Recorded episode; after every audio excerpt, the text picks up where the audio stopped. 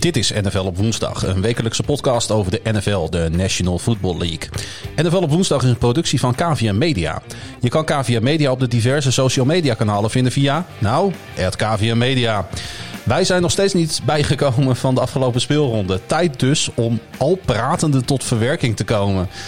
En we bespreken niet alles, maar wel zoveel mogelijk. Dit is seizoen 1, aflevering 6 van NFL op woensdag.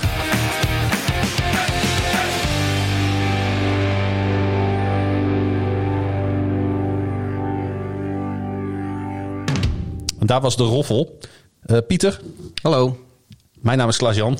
Nou, aangenaam. Jullie host van deze nu al legendarische podcast. Uh, ja, dat was een uh, katertje waarschijnlijk voor jou uh, toen jij wakker werd dinsdagochtend. Nou, voordat ik ging slapen ook al. Want ik, het, was wel, het was wel een uurtje eerder, hè? In verband met, met die wintertijd. Ja, nou ja, goed. Dat, dat maakte niet veel goed, moet ik zeggen. Ik... Laten we het er nu even niet over hebben. We komen, we komen vanzelf nog tot die wedstrijd. En ik, eh, ik vind het allemaal best zo... Uh... Wat een moodkiller. Ja, een leuk begin man. Zo, ik, had, ik had er echt zin in. Ik had, ik had van de week had ik het ook nog van... Ja, ik heb zin in de nieuwe, nieuwe NFL op woensdag. En dan, dan begin je zo. En ik heb al zoiets van... Nou, ik kijk alweer naar de deur. Ja, het is wel lekker hoor. Want de Ravens verloren namelijk uh, weer niet uh, afgelopen weekend. Jee. Ja, en ons, ons, FC, ah, ons FC Groningen won. Hè? Oh ja, nee, dat was, uh, dat was leuk. Dat was leuk, dat was leuk. Hey, er zijn een, uh, een paar vragen weer binnengekomen op, uh, op Twitter. En ik heb er weer een paar uitgepakt, omdat, nou ja, goed, ik vind het leuk, deze engagement. Patrick die vraagt... Blijf ze ook insturen, jongens, die vragen. Ja, absoluut. Patrick vraagt of we liever achterna gezeten worden door een leeuw of door DK Metcalf. Nou, Kijk, we zijn een NFL-podcast, dus op het moment dat hij het over een leeuw heeft, ga ik, ga ik uit van de Detroit Lions. En dan, ja, ik heb veel liever dat die achter me aan zitten. En volgens mij ook gewoon alle, alle 48 maar dan, uh, dan één DK Metcalf. Want ja, ik denk dat je gewoon van, van Metcalf veel meer te vrezen hebt dan, uh, dan van de Lions. Nou, wat een actie was dat, hè? Misschien wel een ja. van de hoogtepunten van. Uh, ja, dat zijn van die dingen ja. die. die, die ja, om nou te zeggen dat hoef je niet te doen, dat gaat misschien wat ver. Maar het, het staat, in principe is het niet zijn, zijn standaard functieomschrijving, uh, nee. om het zo maar te zeggen. En uh, dan doet hij dat. Ja, hij, is, ja, maar... hij speelde sowieso trouwens ook aanvallend gewoon een geweldige ja, wedstrijd. En uh, er zit een energie in die jongen. Ik zat na te denken, ik word liever achterna gezeten door Michael de Leeuw. Als ik moet kiezen. Ik ken iemand die is wel eens achterna gezeten door Michael. de spits van uh, ons aller FCM, oftewel het FC Barcelona van het noorden. Vraag van uh, Erwin. Uh, voor een rustige week, zegt hij. Nou, ik moet dat misschien even uitleggen. Ik heb het script ingekort. Want de vorige, de vorige podcast duurde uh, nou, wat was ja, het? Iedere, iedere, iedere, iedere, podcast werd een kwartier langer dan de vorige. Dus we, als we dat niet hadden gedaan, dan zaten we nu op een schema voor minimaal uh, 2,5 uur. dan, Wat me niet zou verbazen als dat nu alsnog gebeurt. Maar goed, dat, dat zien we over 2,5 uur wel. Dan hadden we deze podcast moeten hernoemen naar NFL op woensdag en donderdag. Uh, maar goed, als het goed is, gaan we het allemaal wat inkorten. Dus uh, ik vond het wel leuk om deze vraag toch even te, uh, hier te benoemen. Welke merch hebben jullie allemaal, vraagt Erwin. En als je één jersey zou mogen kiezen, welke zou dat zijn? Hoeveel merch heb jij in, de, in, de, in de kast hangen, Pieter? Nou, ik heb, ik heb al die tripjes naar Chicago. Ik heb, ik heb de, de nodige uh, Bears merchandise. Uh, hoodies, uh, sweatshirts, t-shirts, petjes, mutsen. Noem maar op. Ik heb een paar jerseys ervan. Ik heb ook een Tennessee Titans jersey. Dat is misschien toch wel mijn favoriet nog steeds. Dat is van, van Steve McNair. Legendarische quarterback die op een tragische manier aan zijn einde gekomen is. Ja, ook nog even voor Baltimore gespeeld volgens mij. Ja. ja. ja.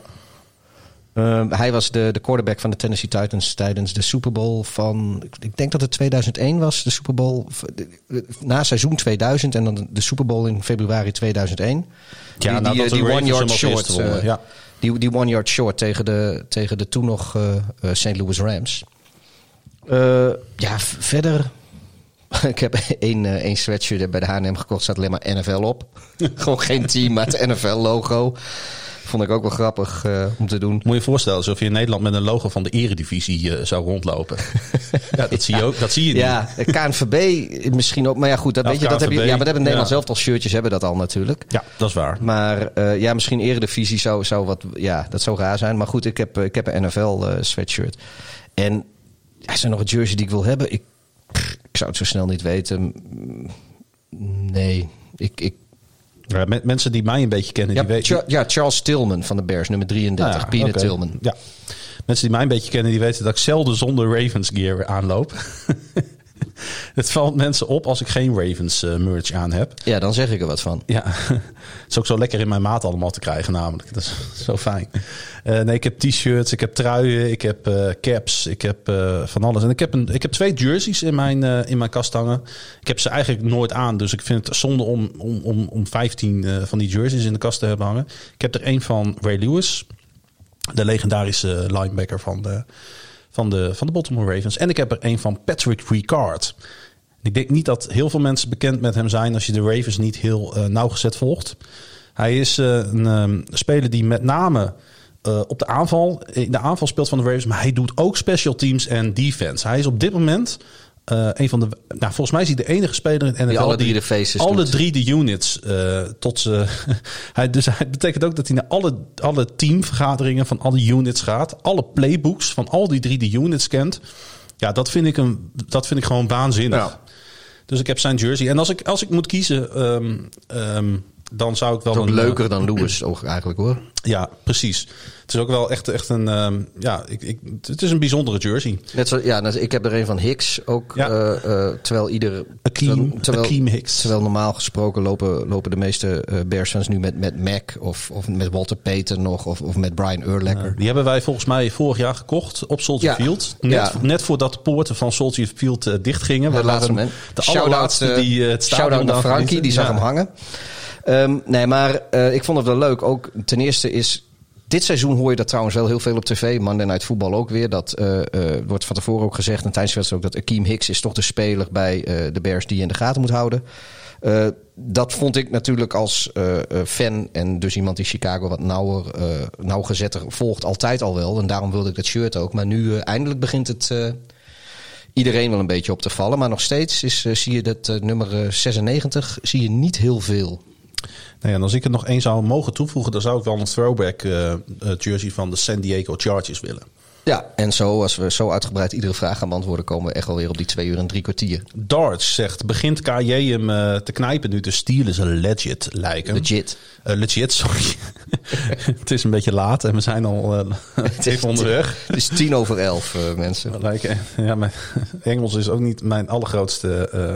ik heb, ik heb naar andere kwaliteiten. Laten we daarop houden. En ook de Browns, nu ook de Browns hun kwaliteit op papier steeds meer eer aan gaan doen. Eh, ja, darts. Ik knijp hem uiteraard voor de Steelers, want ze staan 6-0. Ze zijn het enige ongeslagen team in de NFL. En daar moet ik eh, een zekere mate van respect voor opbrengen.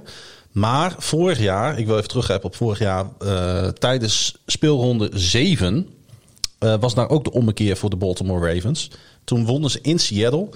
Ik weet niet of je dat nog kan herinneren, Pieter. Het was op een gegeven moment het was een moment dat Lamar op 4 en 2 stond, van het veld afliep. En toen vroeg ehm, eh, de coach, John Harbaugh, aan Lamar Jackson: Wil je ervoor gaan?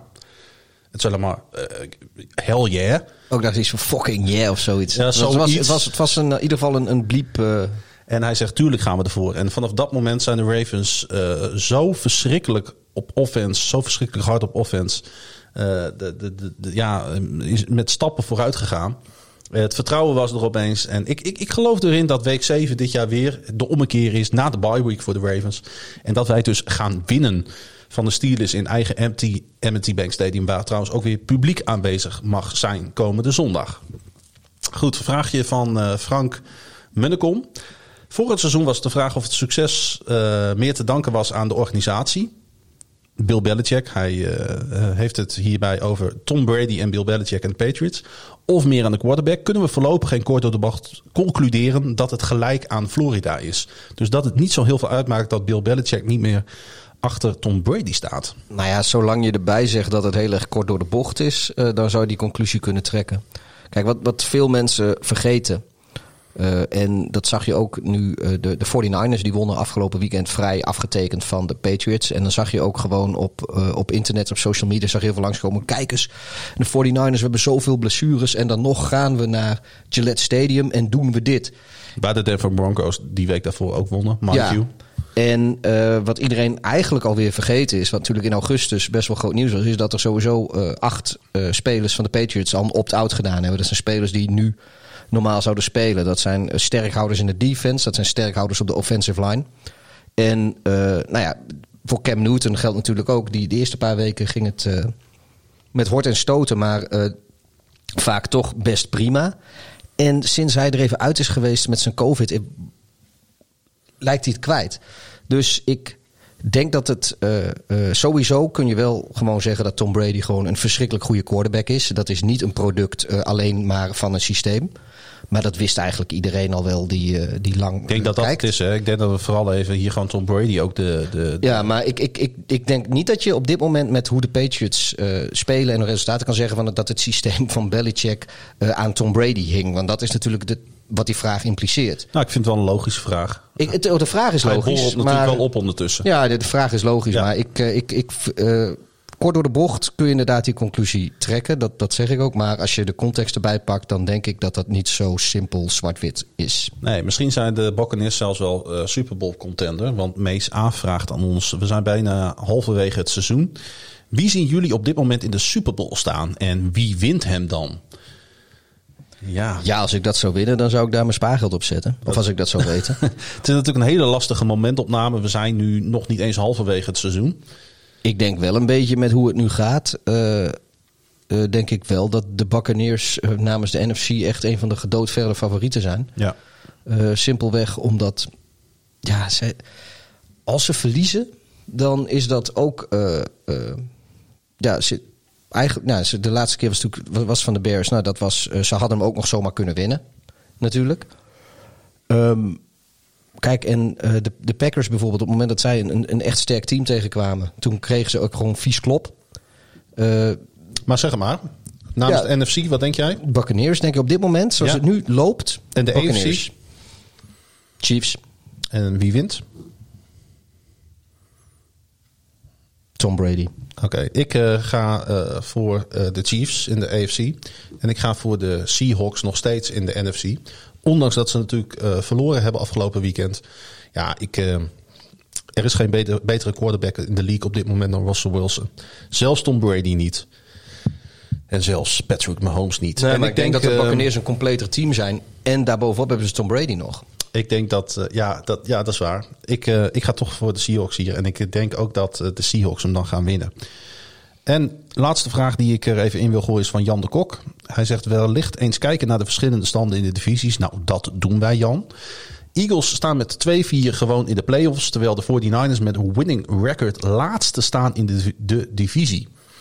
Het is niet echt een vraag, het is meer een opmerking. Een constatering. Constatering, en hij klopt. ja, ik heb, uh, ik heb even gekeken inderdaad. En als uh, er op dit moment, als je uh, zeg maar komend weekend met de playoffs zou beginnen... dan zitten in de NFC playoffs zitten de Seahawks, de Cardinals en de Rams namens de West. De North die vaardigt de Packers en de Bears af. De South de Buccaneers en de Saints die, nou, die, die, die vallen buiten de boot. De NFC East die uh, brengt Philadelphia Eagles met, 2-4-1, uh, met een 2-4-1 record. En dat betekent dus ook dat de San Francisco 49ers inderdaad met 4-3 uh, niet mee mogen doen. Aan de andere kant, de AFC, als die dit weekend playoffs gaan aanvangen, dan zijn daar de Buffalo Bills, de Pittsburgh Steelers, de Ravens en de Browns namens de, de East en de North. De South die vaardigt de Colts en de Titans af. En de AFC West alleen de Chiefs. En dat zijn denk ik aan beide kanten dan de zeven, uh, ja. zeven teams die mee gaan doen. Dus op zich niet heel veel uh, uh, bijzonders, denk ik. Ik denk als je naar voorafgaand aan het seizoen had gekeken... dan zijn denk ik de Bears op dit moment verrassend dat ze erin zitten... en de Saints verrassend dat ze er niet in zitten. Hm. Ik vind de Colts ook wel een verrassing ergens. Nou, de Colts waren vooraf, voorafgaand aan dit seizoen, denk ik wel door heel veel mensen als heel sterk uh, geschat. Ik denk misschien haast wel dat het uh, verrassender is dat de Titans erboven staan. Hm. Uh, dat de Bills bovenaan staan. Ik snap dat toch niet echt hoor, op basis van hun prestaties tegen de Ravens en de Chiefs in de playoffs vorig jaar. De mensen zouden toch gewaarschuwd moeten zijn voor de nee, maar de, Titans. De, de, de, ja, dat, dat is waar. Alleen uh, mensen hadden ook het idee dat de Titans zichzelf niet heel erg uh, verbeterd hadden. Dus eigenlijk dezelfde Titans zouden zijn. En de, waar de Colts uh, eigenlijk een, een betrouwbare quarterback verwijderd waren van... Zijn eh, toch teams die een moord doen voor een team als de. Titans. eh. Oh ja hoor. Ja. Ja, ja, ja. Maar goed, ik, ik, ik ben ook niet eh, de, degene die eh, voorafgaand aan het seizoen de, de voorspellingen en de power rankings doet. Toen hadden we deze podcast nog niet. nee. Maar goed, eh, dat is een beetje, ja, dat, dat is zoals het nu is. Ik denk inderdaad dat de, de, de Bills misschien toch wel. Aan de andere kant, iedereen had wel een beetje verwacht dat de Patriots eh, het slechter zouden doen. Dat die helemaal niet mee zouden doen met zeven playoff plekken. Hadden we denk ik ook weinig mensen voorzien voorafgaand aan het seizoen. nee, ik denk eerder dat de Dolphins eh, later in dit seizoen nog in aanmerking kunnen komen voor Ja, een die- eh, playoff spot. Ja, die zijn nu. Die hebben even een bye gehad, waren even uit de picture natuurlijk. Ja, die staan één weekend. wedstrijd achter eigenlijk op de Colts voor, voor zo'n plekje. En wat natuurlijk, daar hebben we het vorige week even over gehad. En dat wil ik nog even aanhalen. Eh, eh, de Philadelphia Eagles staan nu bovenaan in de NFC East. Maar ik denk dat we wel kunnen zeggen dat de winnaar van de NFC East... dat dat de vierde seed wordt in de NFC eh, playoff eh, s- eh, ranking. Dus dat houdt in, de nummer 1 heeft een bye week. De nummer 2 speelt tegen de nummer 7. De nummer 3 speelt tegen de nummer 6. En de nummer 4 speelt tegen de nummer 5. Ja. Dus dat houdt in dat je eigenlijk het, vijfde gerankte team... Je kan beter het vijfde gerankte team worden dan het tweede of derde... Of eh, ja, dan het tweede of derde gerankte team. Want dan zou je dus tegen de NFC East spelen. Dat is natuurlijk dikke bullshit. eh, want een wedstrijd is een wedstrijd en die kun je ook gewoon verliezen. Dus natuurlijk, het heeft er natuurlijk ook te maken dat juist in die NFL-playoffs het pad naar de Super Bowl ja, een heel kort pad is. In tegenstelling tot alle andere Amerikaanse sporten. Hè, met twee of drie wedstrijden kun je er gewoon zijn. Hey, eh, ik heb ook nog wat nieuwsberichten staan. Eh, drie stuks die ik wil, eh, toch even wil behandelen voordat we naar de wedstrijden van de afgelopen speelronde gaan. Oké. Het begint met Ron Rivera. We hebben hem, ja, ik weet niet, een beetje geadopteerd zou ik bijna willen zeggen in deze show. Eh, omdat we, nou, ik weet niet, een soort van gezamenlijk respect voor deze man hebben. Het is, het is gewoon een, een, een, een, hele amabele man. Hij heeft ook een, een verleden, in ieder geval, wat vind, dat vind ik dan bij de, bij de Bears, eh, zowel de 85 Bears als, als een recenter, als eh, in zijn coachingcarrière nog. En ik hou er ook wel van, inderdaad, de Riverboat Run eh, meme eigenlijk, dat hij Ja. dat er eh, vaak voor gaat. Ik, ik, ja, ik weet niet, ik, ik, heb wel, ik heb inderdaad een zwak voor Ron Rivera. Nou, hij won afgelopen weekend en hij eh, kon dus Victory Monday vieren. Maar deze was uniek om nog een andere reden. We hebben het, ja, we hebben het al eerder genoemd. Rivera onderging maandag namelijk zijn laatste behandeling voor de kwaadaardige huidkanker die hij heeft. En onder applaus van een lange rij doktoren en verpleegkundigen verliet de hoofdcoach van de Washington voetbalteam het ziekenhuis om buiten een bel te luiden als markering van het voltooien van zijn behandeling. Zij is in remissie nu. Ja, ja en als het, eh, ja, als het goed is, gaat het dan goed met hem. Laten we het hopen. Nou Ron, ik weet dat je luistert. Ik, eh, ik hoop dat het goed komt met je, jongen. Dan hadden we nog eh, twee eh, ja, transfers. Zijn het eigenlijk niet, want het waren twee eh, ja, free agents nog steeds. Op dit punt in het seizoen. Des Bryant gaat naar de Baltimore Ravens. De oud-wide receiver nummer 88 van de Dallas Cowboys. Heeft daar natuurlijk hoogtijdagen gevierd. Hoe is hij eigenlijk? eh, eh, was hij met pensioen en gaat hij nog wel of was er geen team die hem wilde hebben? Ik weet eigenlijk niet waar, die, waar zijn beschikbaarheid in één keer vandaan komt. Weet jij dat toevallig? Ja, hij heeft natuurlijk ook eh, eh, voor onrust eh, gezorgd. Er gaat volgens mij ook onrust aan eh, vooraf. Ja, dat weet ik eigenlijk niet. Ja, ja, we kunnen ook niet alles weten. Wel veel, maar niet alles.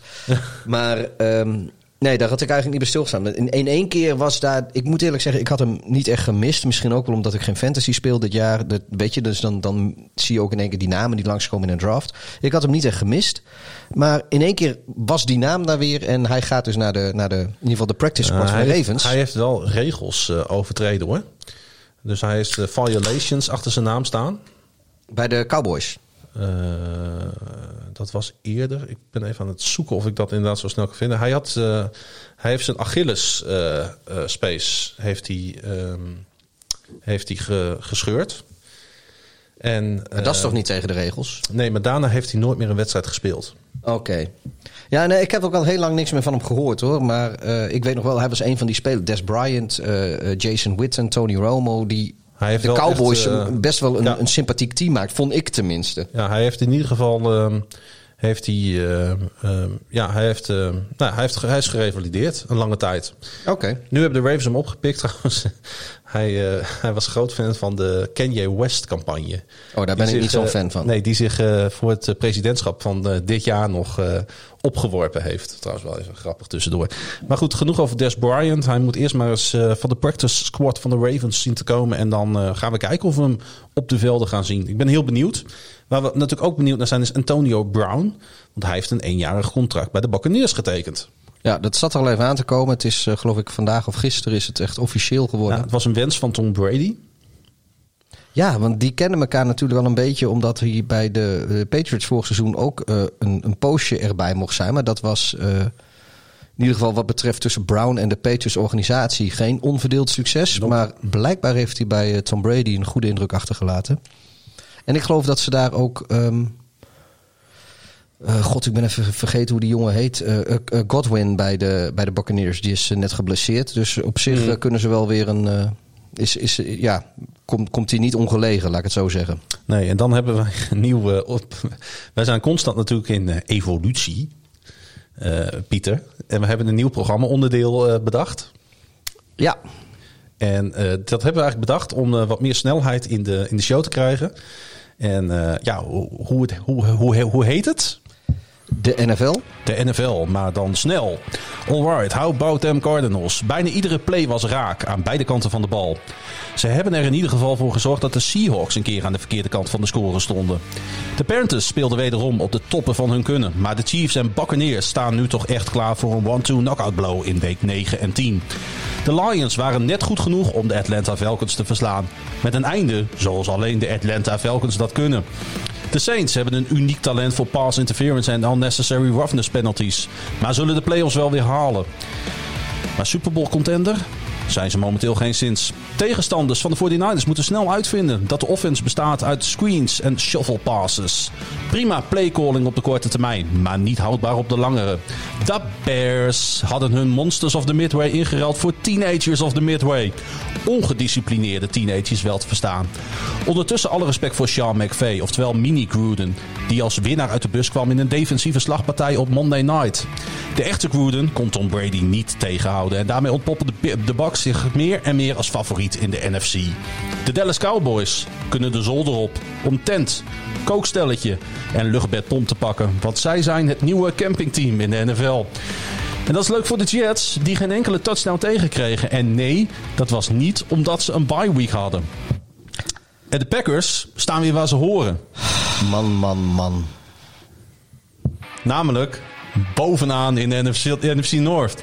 En het is crisis voor de Patriots. En Bill Belichick, die niet alleen zonder mouwen, maar ook zonder fatsoenlijke quarterback zit. De Bills, die even helemaal uit vorm zijn, kunnen dus nog e- heel even opgelucht ademhalen. Ook omdat diezelfde Patriots volgende week op bezoek komen.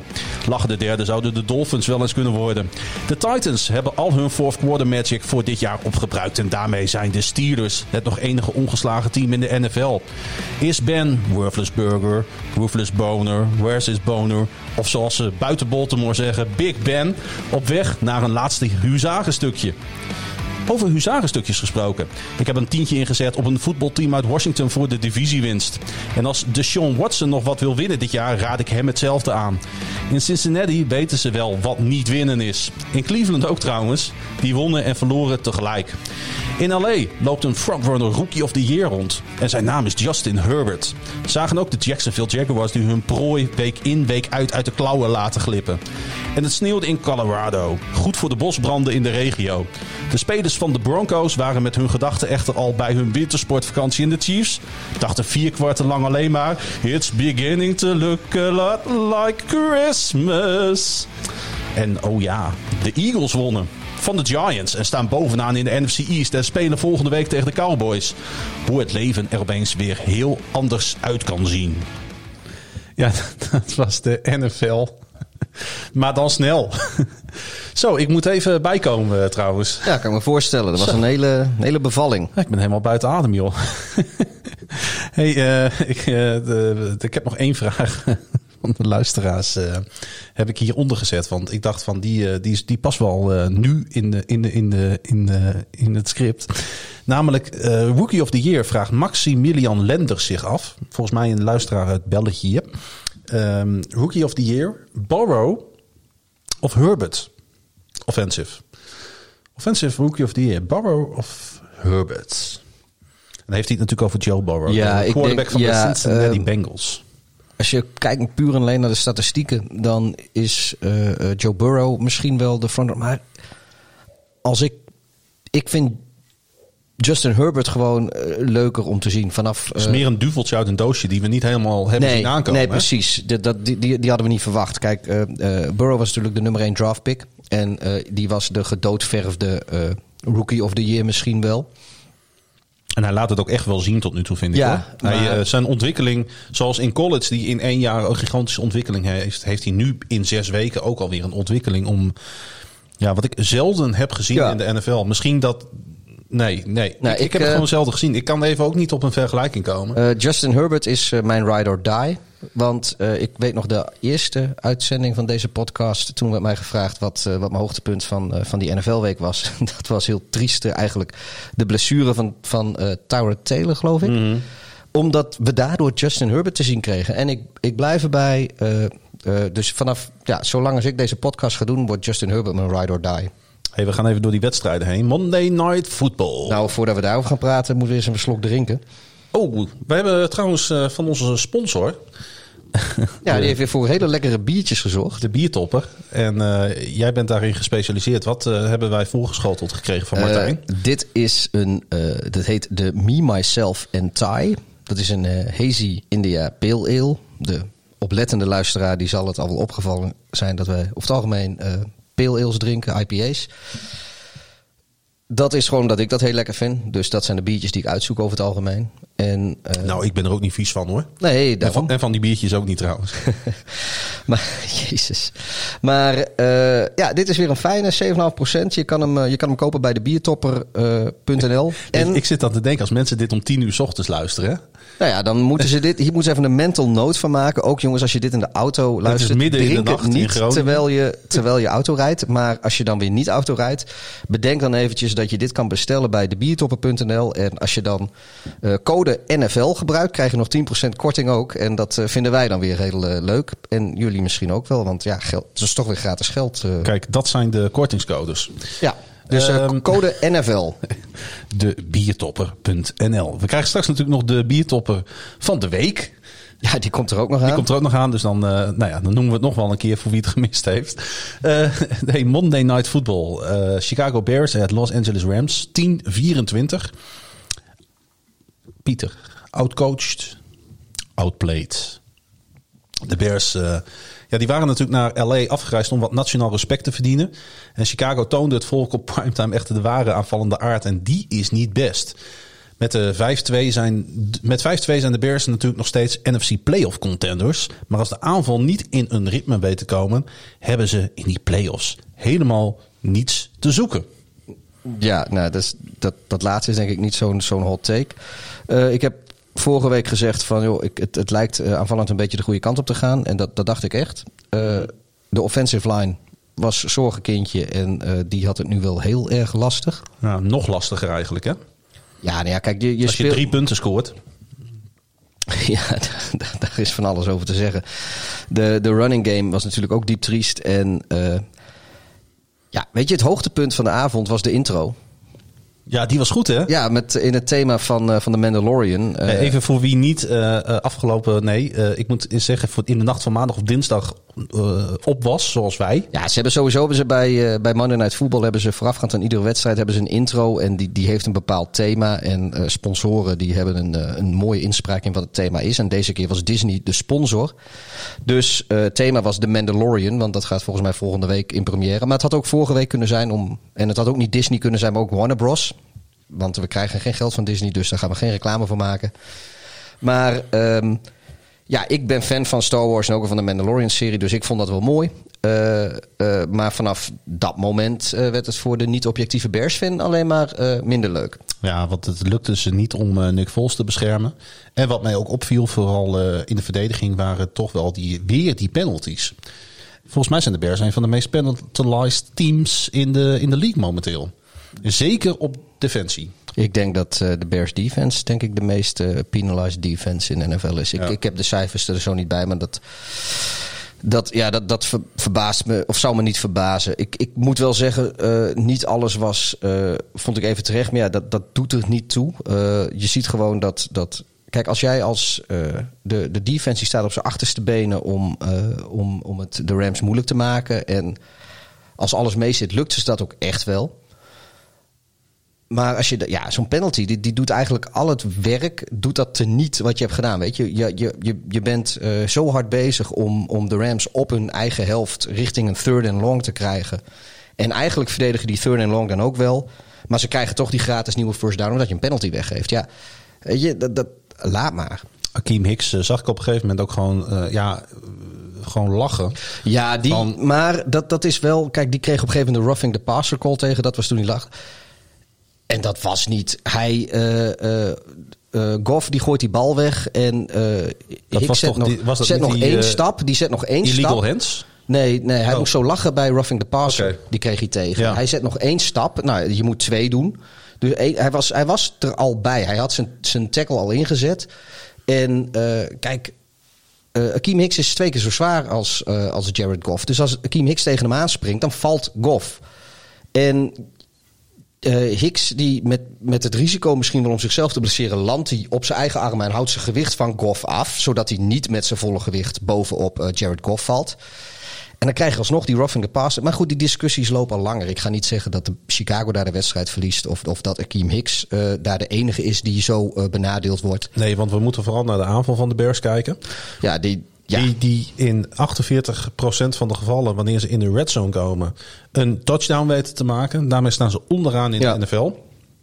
enige- En er was openlijk kritiek op de playcall van Matt Nagy. En niet de minste, Nick Foles himself. Die klaagde, schijnt tegen een reporter daarover geklaagd te hebben. Van, ja, die ehm, Brian Grease eh, van Monday Night Football. ja, die eh, heeft, schijnt gezegd te color- hebben... eh, color guy. Matt Nagy weet niet wat hij called, want eh, ik heb helemaal niet de tijd om deze play uit te voeren. Ja, en, eh, En dat zo- brengt natuurlijk gelijk weer een andere discussie naar Ja, maar zo, zowel Nick Foles als eh Matt Nagy hebben er ook weer op gereageerd. En, eh, ik geloof dat Nick Foles heeft gezegd van nou, zo heb ik dat helemaal niet gezegd. En dat is helemaal niet de boodschap geweest, dus dat is verkeerd begrepen. Nou ja, goed, voor wat het waard is. Nou ja, bij, bij, bij Good Morning Football hadden ze het vanochtend gelijk alweer over Ja. het, het, de quarterback switch naar met Trubisky toe. Ja, en eh, ik wil met Nagy zelf heeft gezegd van joh, luister, ik ken Nick Foles al heel lang. Eh, ik weet wel wat ik call en eh, ik kan me niet voorstellen dat, dat hij dit zo vindt. Want wij praten heel open over de, de, de plays die we callen en de gameplans die we hebben enzovoort. Dus daar is eh, in ieder geval mediatechnisch... De eh, frustratie zal hier hebben, ze, heb- hebben. hebben ze in Chicago... eh, ja, maar dit was voorafgaand aan de wedstrijd, hè? Dit, anders kan ja. die color guy dat natuurlijk niet tijdens ja, de wedstrijd gelijk. noemen. Ja, da- ja, nou ja, goed. Maar eh, dus, dus mediatechnisch hebben ze er in Chicago bij de organisatie die angel al uitgehaald. Maar ehm, ja, de, inderdaad, die discussie moet Trubisky dan terug. Kijk, ik zelf heb ook wel gezegd van luister, eigenlijk moet je gewoon het hoofd van Nick Foles op het lichaam van Mitch Trubisky zetten. En dan heb je gewoon echt een hele knappe quarterback.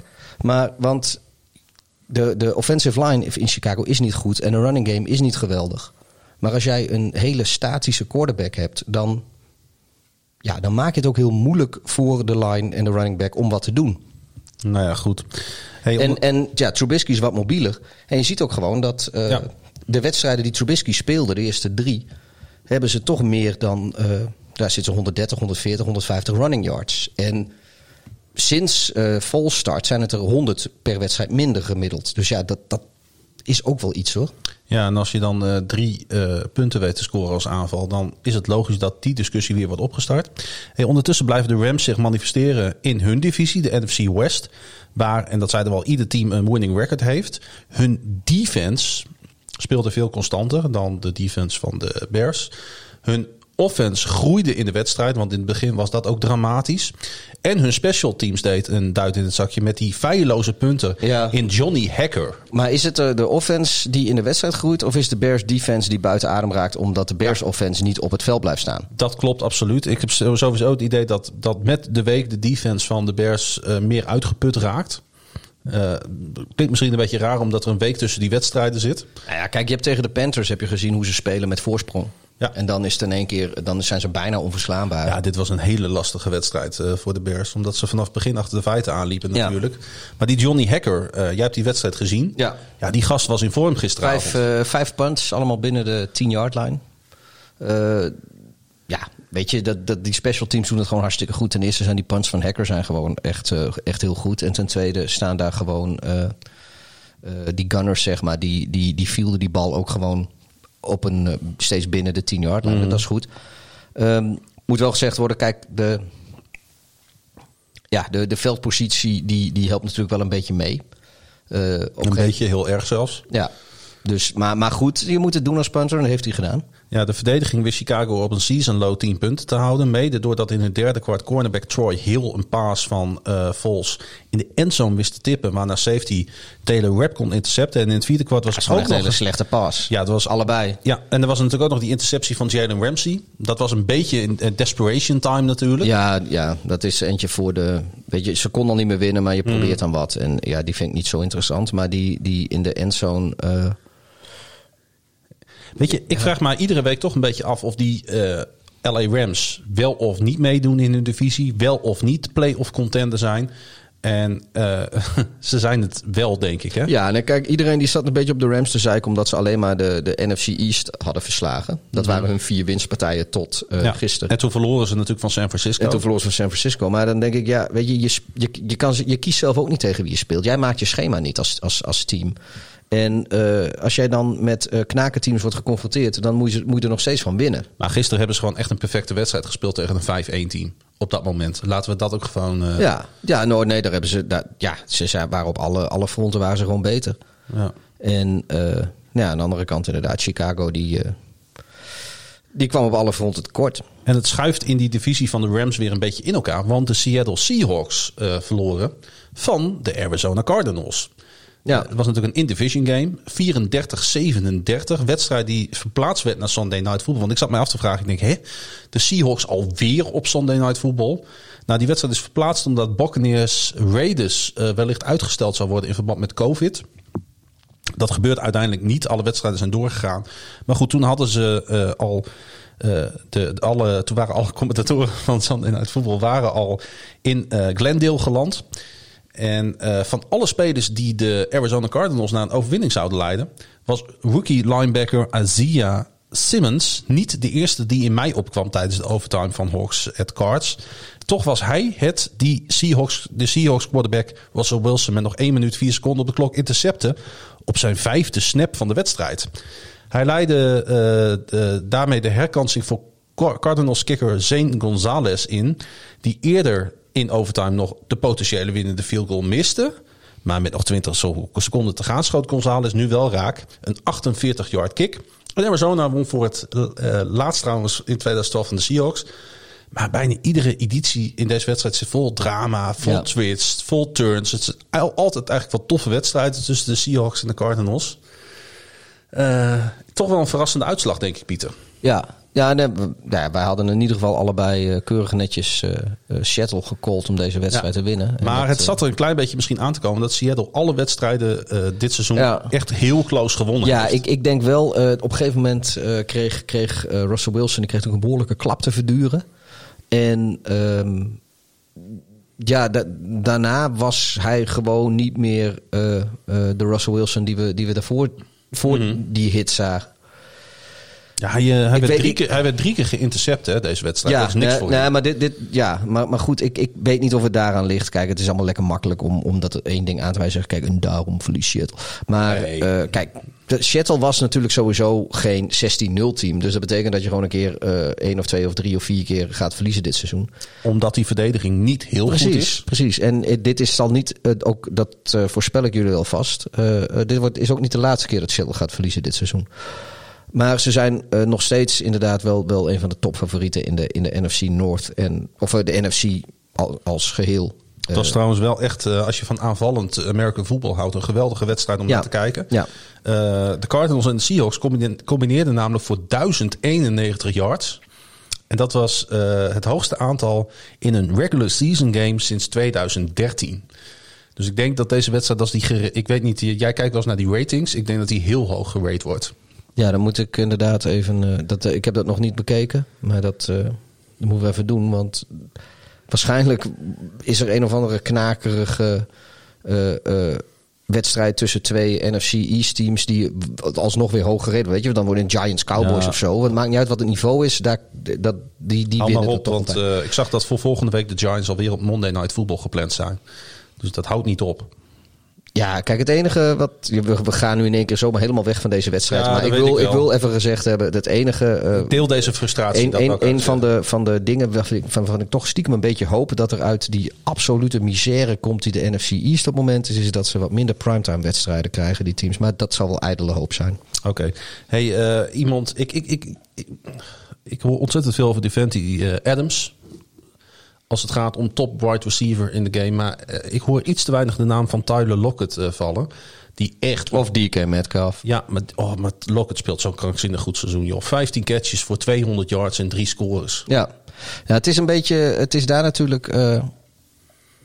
be- ja, bij, bij, bij de Seahawks is het de, de ene keer is de ene heet en de andere keer is de andere heet.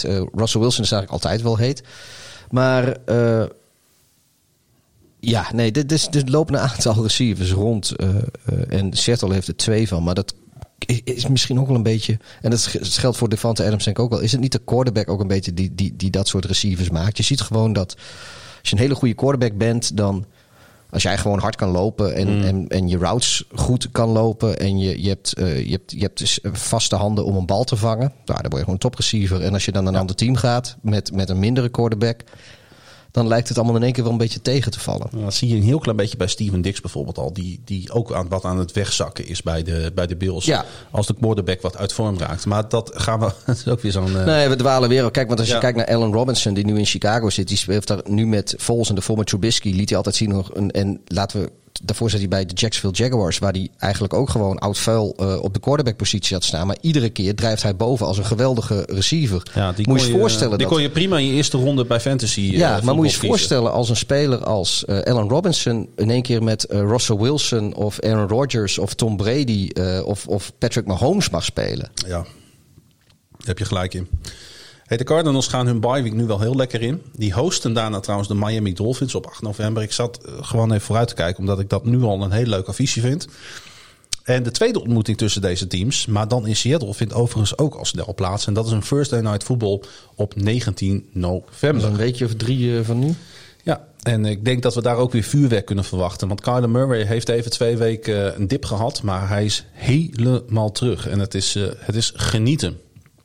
Eh, wie ook weer meedoen in eh, die divisie, dat zijn de San Francisco 49ers. Die eh, de New England Patriots een nederlaag toebrachten. En wat voor nederlaag? 33-6. En daarmee keerde Jimmy Garoppolo voor het eerst sinds zijn trade terug naar Gillette Stadium. Hij gaf zelf aan dat allemaal best emotioneel te vinden trouwens. Maar het was uiteindelijk de perfecte avond voor hem en zijn team. Met een dominante running game, een opportunistische passing aanval en een meedogenloze defensie rolden de 49ers de Patriots op. En ja, weet je, eh, wat moet je nou uit deze wedstrijd halen? Nou, ik denk dat het misschien wel de meest beschamende thuisnederlaag ooit voor de Patriots was onder Bill Belichick in de afgelopen 20 jaar. Ja, thuis sowieso. Volgens mij ook. Staat, ook, ook in statistisch eh, het aantal punten enzovoort. Ja. ja, volgens mij was dat eh, inderdaad het geval. Ja, hey, um, um, uh, de 49ers hebben er weer een beetje op de rit, ondanks dat daar weer nieuwe blessuregevallen zijn. Maar uh, de gameplan van. Het, Shanahan weet gewoon iedere week zijn gameplan weer aan te passen op, op, ja, op, op wat, wat, hij, wat, wat hij op kan stellen en wat de tegenstander is. Nu was het bijvoorbeeld weer de play-action die, die krankzinnig goed liep. Ja, nou, nu is Garoppolo sowieso volgens mij wel, uh, uh, wel ja, het is op zich een, een prima play-action quarterback, betere play-action dan, dan gewoon uh, van under center of, of, of. Ja, weet ik niet hoor. Maar ja, weet je, ze hadden, ze hadden hun, hun, hun screen game was ook, was ook echt ja. on point, was hartstikke goed. Ja. Ehm, Ja, zoals het hele seizoen al. Ja, ik vind nog steeds de, de 49ers. ehm, ik, ik, ja, ik, ik, weet, ik weet nog niet zo goed wat ik aan ze heb. Nee. Nee, daar kunnen ze zelf ook niet zoveel aan Maar doen. goed, ik, ik, ik had ook vorig jaar had ik het idee, toen, toen hebben ze uiteindelijk natuurlijk gewoon de Super Bowl gehaald, die ze, die ze wel verloren. Maar eh, toen had ik al het idee dat ze eigenlijk eh, wat boven hun kunnen presteren. Niet dat het geen goed team was. Nee. Maar ehm, en nu zitten ze denk ik wel een beetje meer in, in waar ze horen. Ook al, ik, ik weet wel, blessures en alles. Maar weet je, het is, de, het is, het is wat wisselvalliger. En ja, ik, ik, ik, ik, ik weet nog steeds niet goed wat, wat, wat ik van deze 49ers moet vinden. Nee, misschien wel de leukste divisie om te volgen op dit moment in ieder geval. De Patriots lijken ondertussen een verloren seizoen te spelen in de sterke AFC. Cam Newton is na zijn besmetting met COVID zichzelf niet meer. En hij werd in het vierde kwart zelfs gewisseld voor, eh daar gingen we weer, Jared Stidham. En eh Belichick gaf trouwens na de wedstrijd aan eh, dat de basisplek voor Newton niet in het geding is. Nee, nou ja, goed, dat... dat kijk, Stidham is, is, is natuurlijk ook helemaal... eh, Tweedejaars quarterback ondertussen. Ja, maar daar word je niet per se vrolijk van, Nee. geloof ik. Ehm, als Newton. de- weet je, de eerste paar wedstrijden van Cam Newton die waren, waren, waren best wel behoorlijk. En eh, dat werd steeds beter, totdat hij dus inderdaad zijn COVID-19 eh, absentie had. Hij zegt zelf dat het op geen enkele manier invloed heeft, dat, dat, maar dat hij gewoon beter moet spelen. En toch denk Ja, ik, nee, wat- dat hij beter moet spelen. Dat is, heeft iedereen met ogen ook gezien. Dus maar wat doet is- het met een quarterback als je gewoon twee weken lang gewoon niet op de training facilities komt, geen contact hebt Nee, met je precies. Nou ja, dat. Ik denk dat het meer mentaal dan fysiek is. Ja, en als hij ook daadwerkelijk. Kijk, eh, eh, het wil niet zeggen. Kijk, ik ben geen viroloog, ik ben geen dokter, ik ben geen COVID-19-expert. Maar ondertussen is, eh, is, is dat COVID zo langzamerhand wel iets wat, wat ons dagelijks leven qua nieuws enorm beheerst. En ik, eh, terwijl er nog weer een biertje open gaat. Maar ik heb al eh, regelmatig gehoord en gelezen. En, en in mijn omgeving en op, op internet en, en op televisie, whatever. Dat mensen die, eh, die. Sommige mensen worden doodziek en op een gegeven moment genezen ze. En dan zijn ze vrij rap weer de oude. Sommige mensen worden doodziek en die genezen deels. En die hebben er nog maanden en maanden last van. Sommige mensen hebben nauwelijks last, maar die blijven een hele lange periode problemen houden met hun conditie. Eh, en, en, en kortademigheid en, en vermoeidheid en, en wat al niet meer. Dus ik, ik, heb, ik heb echt geen idee. Ik, ik, kijk, ik weet ook niet wat Cam Newton... Dus als ik Cam Newton was en ik, had er, eh, en ik was fit verklaard... En, maar ik, ik was... Ja, ik weet ook niet of ik, die, of, of ik meteen zou roepen van... Ja, nee, maar ik heb er nog wel heel erg veel last van. Ik, ik, die- daar wil je doorheen als topsporter. Zeker Ja. bij een nieuw team. Ik, ik, ik heb geen idee hoe dat met die jongen gaat. Maar ik hoop dat, eh, dat hij er snel weer bovenop komt. Want zo gaan de Patriots het niet redden. En eh, eh, denk ik dat de Buffalo Bills daar met een lach op het gezicht naar aan het kijken zijn. Trouwens, er was Nou ja, die hebben ook niet zoveel reden tot lachen als Nee. ze naar zichzelf kijken. Kijk, ik hoorde na die wedstrijd weer de opmerking: A win is a win, right? Echt zo'n frase die een beetje thuis hoort in het rijtje. coach, speak Hall of Fame, next man up. We're taking things one week at a time. Weet je wel? Die- in de NFL is niet makkelijk. Nee, nou ja, oké. en dat is natuurlijk ook zo.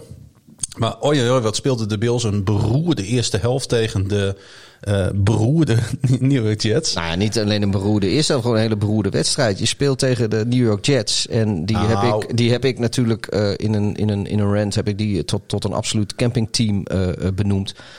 En ze scoren niet eens een touchdown. Nee, ik moet wel zeggen dat de defense van de... niet eens eentje. Nee, eh, dat klopt. Maar Vier kwarten, hè? Vier kwarten voetbal. weet je hoeveel yards de eh, defense van de Bills na rust nog toestond aan de Jets? Ja. Vier. En hoeveel touchdowns heeft de offense van de Bills na rust nog gemaakt tegen de New York Jets? Ja, geen enkele, want ze hebben zes van hun acht field goal tries hebben ze raak ge- gekikt. Eh, Ik bedoel, het is leuk als, als je defense thuis geeft tegen de Jets. ja. Na, na twee kwarten dat niet gedaan te hebben. ja, het is een wedstrijd die je eigenlijk alleen maar kan verliezen. Ja, maar kijk, eh, de, de Bills die hadden natuurlijk eh, de twee wedstrijden hiervoor ook al verloren. Dus hun, hun contender-status die, die stond een beetje eh, ehm, te wankelen. Ja, op basis van record op dit moment niet, maar op basis van spel natuurlijk wel. Ja, maar ze hadden, ze hadden natuurlijk ook, ook met de Titans en de Chiefs, geloof ik, hadden ze ook Ja. twee eh, hele pittige tegenstanders. Dus het was op zich geen schande dat ze die verloren. En dan Waar ze denk het je, veel beter tegen deden dan tegen de Jets trouwens. En dan denk je van, nou luister, ze spelen tegen de Jets. En dat is het met afstand het slechtste team in de NFL. Dus die Bills die gaan even wat orde op zaken stellen. Die gaan zichzelf wat vertrouwen in de mix spelen. En uh, dat komt helemaal goed. En dat was gewoon niet zo. Het, het, het, het, nee, ik, sterker nog, ik, ik vind deze overwinning... Um, laat me meer twijfelen over de Bills... dan de twee vorige nederlagen bij elkaar. Ja, eens trouwens uh, Adam Gase de hoofdcoach van de show, hoofdcoach van de Jets, die besloot zondag, dus op game day, nog even de playcalling uit handen te geven. Ja, wat, wat, is, dat, wat, wat is dat daar? Het is echt een schande voor de NFL, hè? Ja, hij zou dat toch niet doen? Had hij dat niet uh, nee. aangekondigd? Hij, zou van, hij zag geen enkele reden waarom... Uh, en nu heeft hij op game day besloten om het toch weer over te dragen aan iemand anders. Nou, ik, eh, ik, en prompt zijn de Jets gewoon een halve wedstrijd competitief. Ja, dat klopt. Zou, ja, nou ja, de Jets komen eraan, mensen. hey, de Dolphins zagen alles uh, in hun divisie vanaf de bank, want die hadden een bye en die zagen dat het goed was. Want uh, ja, zoals de Bills nu spelen, liggen er duidelijk kansen voor Miami om een gooi te doen naar de divisiewinst, wat mij betreft. Um, ja. ja, toch? Ja, nou ja, kijk, als, als, als Tua Tua Lola. Ja, ja ik, ik, heb, nee, ja, Angelo van Dam die heeft ons verteld hoe je dat moest uitspreken. En toen luisterde ik ook en ik wist het toen ook, maar nu even niet. En um, ja, als die inderdaad gewoon een beetje zijn belofte inlost. Het, het, Miami staat gewoon een stuk beter voor dan iedereen in augustus nog dacht, denk ik. Ja. Hey, uh, een duel waar veel mensen voor gingen zitten. Ze hadden, denk ik, uiteindelijk beter Red Zone kunnen kijken. Maar het werd uiteindelijk wel heel erg spannend. Dat was het duel der ongeslagenen uh, in Nashville. Dat was toch gewoon een, leuke wedstrijd ook? Ja, nou ja, goed. Ik denk dat uh, 2,5 kwart lang hebben de Steelers natuurlijk ongelooflijk gedomineerd. Kwamen ja, de Titans er totaal niet ja, aan te pas. Ja, maar de, zelfs dan ja, ik weet niet. Als je, als je dan. Ik, ik, zoals, nee, het was een goede ja, pot. Dat gaat, natuurlijk was het een goede pot. Ja, zoals Ben Roethlisberger gewoon met zo'n achterloos polsflikje gewoon even zo. Die, ja, nee. Nou, ik ben blij dat er iemand van kan genieten. De Steelers starten in ieder geval geweldig, maar ze eindigden beroerd. En uh, het was kicker Steven Koskowski die een 45-yard field goal attempt miste. Um, Voormalig Patriot. Uh. Uh, jazeker. De, de Steelers kregen gedurende de wedstrijd steeds wat minder grip op Tennessee. Dat hebben we wel vaker gezien dit seizoen. Dat Tennessee zich in wedstrijden kan vastbijten. En dan opeens het derde, vierde kwart nog ontzettend tot spannende wedstrijden komt. En dan weten ze die wedstrijden ook nog te winnen. Ja. De Steelers zijn trouwens nu 6-0. Voor het eerst sinds 1978. En zijn het enige ongeslagen team in de NFL. Ja. ja. Nou ja, dat zegt natuurlijk wel wat over de Steelers.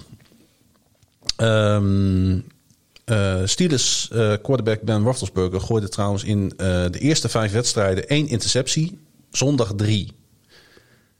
En dat, dat zegt natuurlijk ook wat over die wedstrijd.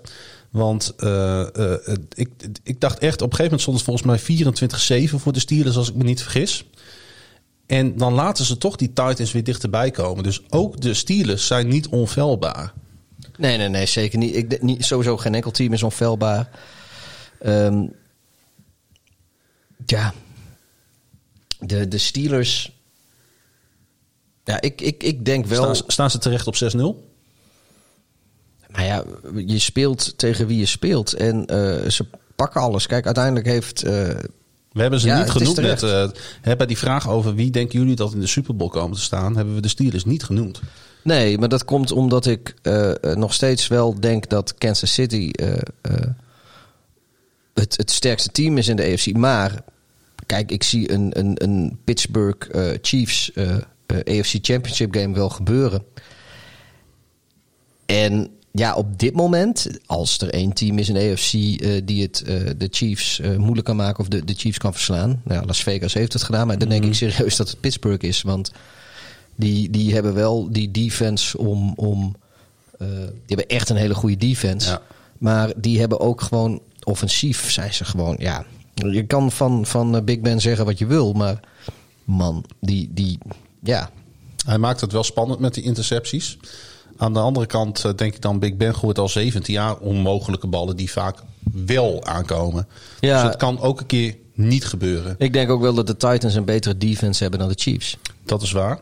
Eh, Big Ben gaf eh, echter ook direct aan na de wedstrijd dat de blijdschap van korte duur moet zijn, omdat hij donders goed weet wat er komend weekend op het programma staat.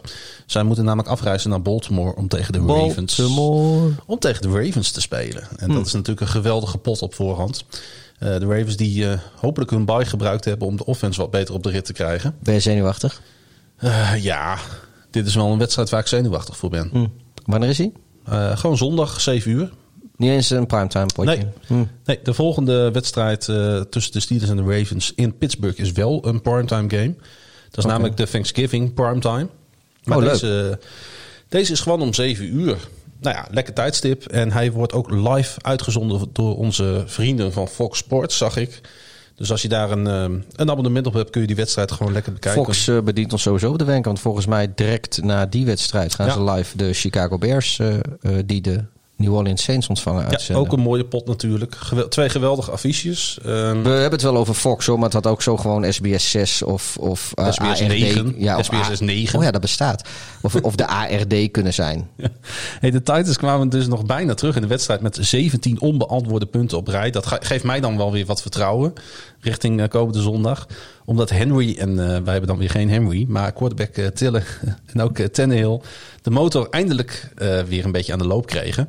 Hoogtepunt erbij was een 73 yard touchdown pass op AJ Brown. Ik weet niet of je die gezien hebt. Nou, dat zijn wel de momenten waarop je, als je red zone aan het kijken bent, op, opveert. Ja, ik denk misschien is, is dat de Brown waarvan ze in, in Tampa Bay hopen Ja. dat ze hem binnengehaald hebben. Maar Precies. dat is niet zo. Hey, en ook eh, de, de, de Steelers defensive lineman eh, Hayward. Dat is een van mijn grote, van mijn favoriete spelers in de NFL. Die keek al vooruit naar volgende week. Na de wedstrijd dus bij de Ravens. En hij voegde daaraan toe.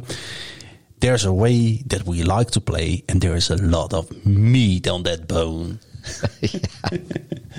Je weet, ik pik er altijd iedere week even eh, dat, een uitspraak uit. En eh, deze vond ik, eh, kwam bij mij wel weer binnen. Ja, deze is de, ik, ik kan me voorstellen dat je kan relateren aan, een, aan deze uitspraak. Want Ja. Hey, er was nog een geweldige wedstrijd in de AFC. ja.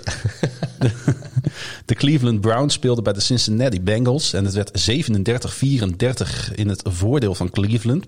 En er kwam een vraag over binnen van Jorg. Hij zegt, gaat het nog lukken met de Browns in de playoffs? Nu eh, zonder Hooper en OBG, Odell Beckham Jr. Ehm, want OBG werd eh, geblesseerd afgevoerd. ja, kruisband geloof ik hè? Ja, en die komt is, eh, niet meer seizoen. terug dit seizoen. Helaas, helaas. Ja, het is, ja, ik vind het echt heel jammer. ehm, want een, een OBJ die was natuurlijk net, net eh, weer eigenlijk een beetje de, de, de vorm aan het vinden die, eh, Ja. die we van hem gewend waren in, in New York bij de Giants. Eh, ja, dat, dat, en, en dat is gewoon voor de liefhebber gewoon schitterend om te zien. Dus het is gewoon jammer dat we daarvan eh, beroofd worden eh, eh, voor de rest van het seizoen. Ja. Eh, het ergste is natuurlijk voor de, voor de Browns-fans zelf. Want eh, ja, kijk hoe, hoe ze dit op gaan vangen, hoe dit gaat werken zonder eh, eh, eh, Beckham Jr. en Hooper. Het zijn wel twee zware verliezen. Hè? Ja, en wederom, je zit in een divisie met een ongeslagen Pittsburgh Steelers en een, een, een hele sterke Baltimore Ravens. Dus echt ieder, ieder warm lichaam met een beetje talent in het veld kun je gewoon gebruiken. Ja, en, eh, en, en Hooper, maar, maar vooral Beckham zijn natuurlijk wel iets meer dan dat. Weet je, die, die, dat, dat, ja. Kijk, eh, ze, hebben, ze hebben gelukkig eh, nog wel de met, met Joku. Njoku. Mhm. En, eh, eh, maar over, met bijvoorbeeld Landry hebben ze nog wel eh, ehm, eh, spelers op tight end en op receiver die een beetje kunnen doen vergeten, de, de, de Beckhams en de Hoopers. Maar ja, ze staan natuurlijk op, op, op, op, 5-2 staan op ze ik. 5-2 Ja. en er is niks aan de hand. En als de, Nou ja, als de Ravens komend weekend verliezen, dan gaan ze, als ze zelf weten te winnen, natuurlijk ook gewoon over de Ravens heen zelfs. Ja, nee, maar goed, kijk, het, het nadeel is, eh, de Rams zijn niet, of de Rams, de Browns zijn niet vaak heel goed. En eh, nu zijn ze goed. En hebben ze nu ten eerste al de pech dat ze eh, in een divisie spelen waar twee andere teams op dit moment ook gewoon heel erg goed zijn. Terwijl Er zijn wel meer teams in de AFC goed en daar hebben ze ook last van natuurlijk. Ja, ja nee, precies. Ja. Maar, maar vaak is het zo dat, dat in een divisie zit één of twee echt hele goede teams. En niet vaak drie. Maar goed, dat, dat, uh, dat, dat geluk is, uh, is, is voor de Browns niet weggelegd. Zoals ze heel vaak uh, bepaalde gelukjes niet voor ze is weggelegd. Nee. ze hebben wel heel veel pech. en, en, ja, weet je, la, laten we gewoon hopen dat, dat ze in ieder geval te heel lang mee kunnen doen. En ik hoop ook echt wel, dat kan ik ook gewoon zeggen. ik hoop echt dat de Browns het, het postseason halen. En dat ze misschien wel één, één ronde verder komen daar. Want dat verdienen ze in Cleveland. Dat is een keer leuk ook voor de NFL. En, en het zou, maar zo, uh, het zou maar zo een, uh, een Browns Steelers of een Browns Ravens kunnen worden in, de, in die ja, playoffs trouwens. Dat is toch leuk? Ja, dat zijn natuurlijk geweldige Je moet wedstrijden. maar eens een keer klaar zijn met dat, dat, dat, dat de Browns die altijd maar die lovable losers zijn, weet je. Vroeger, de Cubs hebben dat ook heel lang gehad. Het wordt een keer tijd om, om wel eens even, even je tanden te laten zien. Hey, Baker Mayfield kon niet slechter uit de kleedkamer komen dan je kan. Hij... Uh, ja, zoals wel vaker liet hij zien dat, de, dat hij meerdere gezichten heeft. Hij startte namelijk 0-5 op passing, inclusief een interception op zijn eerste worp. En hij brak daarna een franchise record met 21 op één volgende completions. Wat uh, natuurlijk resulteerde in die spannende comeback-overwinning op de Bengals in uh, Cincinnati. Ja, het is, het is wel een. een, een het, als hij eenmaal los is, is het een lust voor het oog. Hè? Mayfield is ook wel de meest Brownserige quarterback. Ja. Daar, nou, nou, nee, hij eigenlijk. past daar perfect eigenlijk. Nou, laat ik zo zeggen, als, als dan een, een quarterback met talent voor de Cleveland Browns moet spelen, dan is Mayfield wel degene die dat moet zijn. Ja. En, uh, hij gooide trouwens uiteindelijk vijf touchdowns. Ja. Met de, heb je, wij maar die laatste, nou, wij hebben, die laatste, ik, die kon hij echt maar op één uh, plek gooien. En ja. precies daar, zo in het mandje, zo knap. Ja, en hij had natuurlijk Odell Beckham Jr. niet. En hij gooide dat naar rookie Donovan Peoples-Jones. Mooie naam ook. Prachtige naam, inderdaad, met nog 15 seconden op de klok. En ik zat even schetsen hoe dat hier ging. Want wij zaten hier bij mij in, uh, op het hoofdkantoor van KVM Media. Zaten wij te kijken naar Red Zone. In de studio. In de studio hadden we de televisie aanstaan op Red Zone. En er kwamen een aantal wedstrijden kwamen op, uh, op de witching hour kwamen tot hun, uh, hun grote voltooiing. Waaronder de wedstrijd van de Steelers en de Browns die ongeveer gelijktijdig afgelopen waren. En de Titans misten natuurlijk die field goal. En de Browns die pakten de overwinning uh, door die laatste strike van, uh, van Baker Mayfield. En dat gebeurde echt binnen vijf seconden of zo van elkaar. En ik als Ravens-fan die zit natuurlijk dan te kijken. En ik hoop zo dat de Steelers en de Browns verliezen. Want dan laten we eerlijk zijn, zo zit je dan toch te kijken. Maar het was spectaculair ja. om te zien, hè? Ik en toen vond, keken we ja, elkaar ook weer aan te zeiden, wat is dit toch een mooie sport. Ja, kijk, we hadden natuurlijk allebei uh, een voorkeur voor de Titans in de wedstrijd tegen de Steelers. Jij uh, om logische reden, ik omdat, nou, ik, ik heb gewoon een zwak voor de Titans. Ik heb sowieso ook een zwak voor de Titans, hoor. En dan hadden we natuurlijk ook nog de, de Lions inderdaad in Atlanta. Wat, nou ja, ik, ik ik weet niet, weet je, ik, ik, ergens had ik, wilde ik ook wel dat de Lions dat gingen redden. Gewoon omdat het zo. Ja, die wedstrijd zat er inderdaad ook nog tussen. Hè? Ja, die, die, die, was, die was toen ook. Eh, ah, joh, het, het was gewoon, het was allemaal schitterend. Ja, het was, het was de beste, beste red zone van dit seizoen in elk geval. En Absoluut. ik was heel blij dat uh, de Bears niet speelden. En voor jou ook dat de, dat de Ravens niet speelden. Konden lekker samen hier in de, in de NFL op woensdag studio uh, uh, red zone kijken. En dat was, dat was hartstikke mooi. Ja. Hey, um, de Browns staat dus nu nog maar één wedstrijd achter op de Ravens, die hun divisierival dus bijna kunnen voelen. En het zou zomaar eens kunnen dat wanneer de Steelers, de Ravens en de Browns hun niveau vasthouden, dat ze alle drie naar de playoffs gaan. Een ander team in de AFC dat ook op de playoffs aast, dat zijn de Las Vegas Raiders. Het team dat laatst nog uh, zo verrassend, weet je nog, van de Kansas City Chiefs won. Ja. En zij hadden uh, alleen nu weinig in te brengen tegen een opnieuw ontzettend goede Tom Brady. Maar ook de defense van de Bucks is uh, ondertussen aan het thuisgeven. Met name Devin uh, White was in vorm. En ik vond het wel grappig. Ik uh, zag recentelijk een tweet van Devin White voorbij komen. Hij tweette, hij namelijk dat de Raiders hem hadden moeten kiezen en niet Clelin Farrell met een number 4 pick in de 2019 draft. En juist hij wist, um, wist de quarterback van de Raiders maar liefst drie keer te sacken. En zijn team ging helemaal los. Ja, ja. duidelijke overwinning hè, voor Tom. Ja, kijk, uh, Tom Brady die, uh, die heeft maar weer eens laten zien die, dat hij geen probleem heeft om een tegenstander het leven zuur te maken. Nee. Uh, Ze zijn geen enkele keer bij hem in de buurt geweest. Nee, ik, we hebben vorige week hebben we het nog even over gehad dat Gruden die, uh, die had deze wedstrijd waarschijnlijk rood omcirkeld tussen agenda. Ja, twee weken de tijd gehad om voor te bereiden. Ja, en, en ja, weer aan het kortste eind. En uh, uh, Het, het, eh, hij hoopt dan op een showdown. En uiteindelijk, nou ja, dat, het enige wat het is, is meer een, een statement eigenlijk van, van de Buccaneers en Brady. Waar hij gewoon een, een, een, een, een, een bijrol, een, een figurant in is. Eh, Ja. En dat, ja, dat moet steken. Maar waarschijnlijk is het volgende, volgend jaar, als ze tegen elkaar zouden spelen, is het gewoon weer zo. Ja. Oh ja, Eh, volgend jaar spelen ze trouwens niet tegen elkaar. Dan zou het een Nee, Super Bowl maar- moeten zijn. Maar goed. Goed, hoe dan ook, ene diepe bal van Brady was nog mooier dan de andere. De connectie was er eh, ook met Gronk weer. Ja, eh, ze stomen gewoon door de Buccaneers. Ik denk echt dat ze contender zijn om, om nummer 1 te worden in de NFC. Pieter. Ja, ik ben blij dat de Bears al tegen gespeeld hebben. ja. En toevallig was dat dan weer een winstpartij.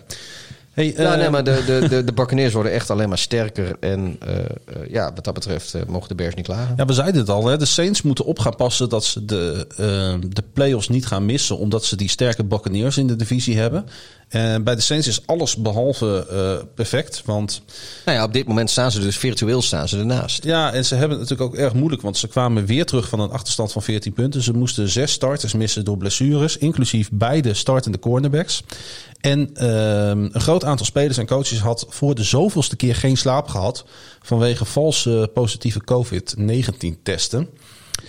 En ondanks dat werd er trouwens wel weer gewoon gewonnen. Hè? Na de close calls tegen Detroit en de Chargers nu van de, van de Panthers. En dat is niet een makkelijk team om van te winnen. Nee. Eh Saints staan er toch gewoon wel goed voor toch op, op dit moment in het seizoen met 5-2. Ja.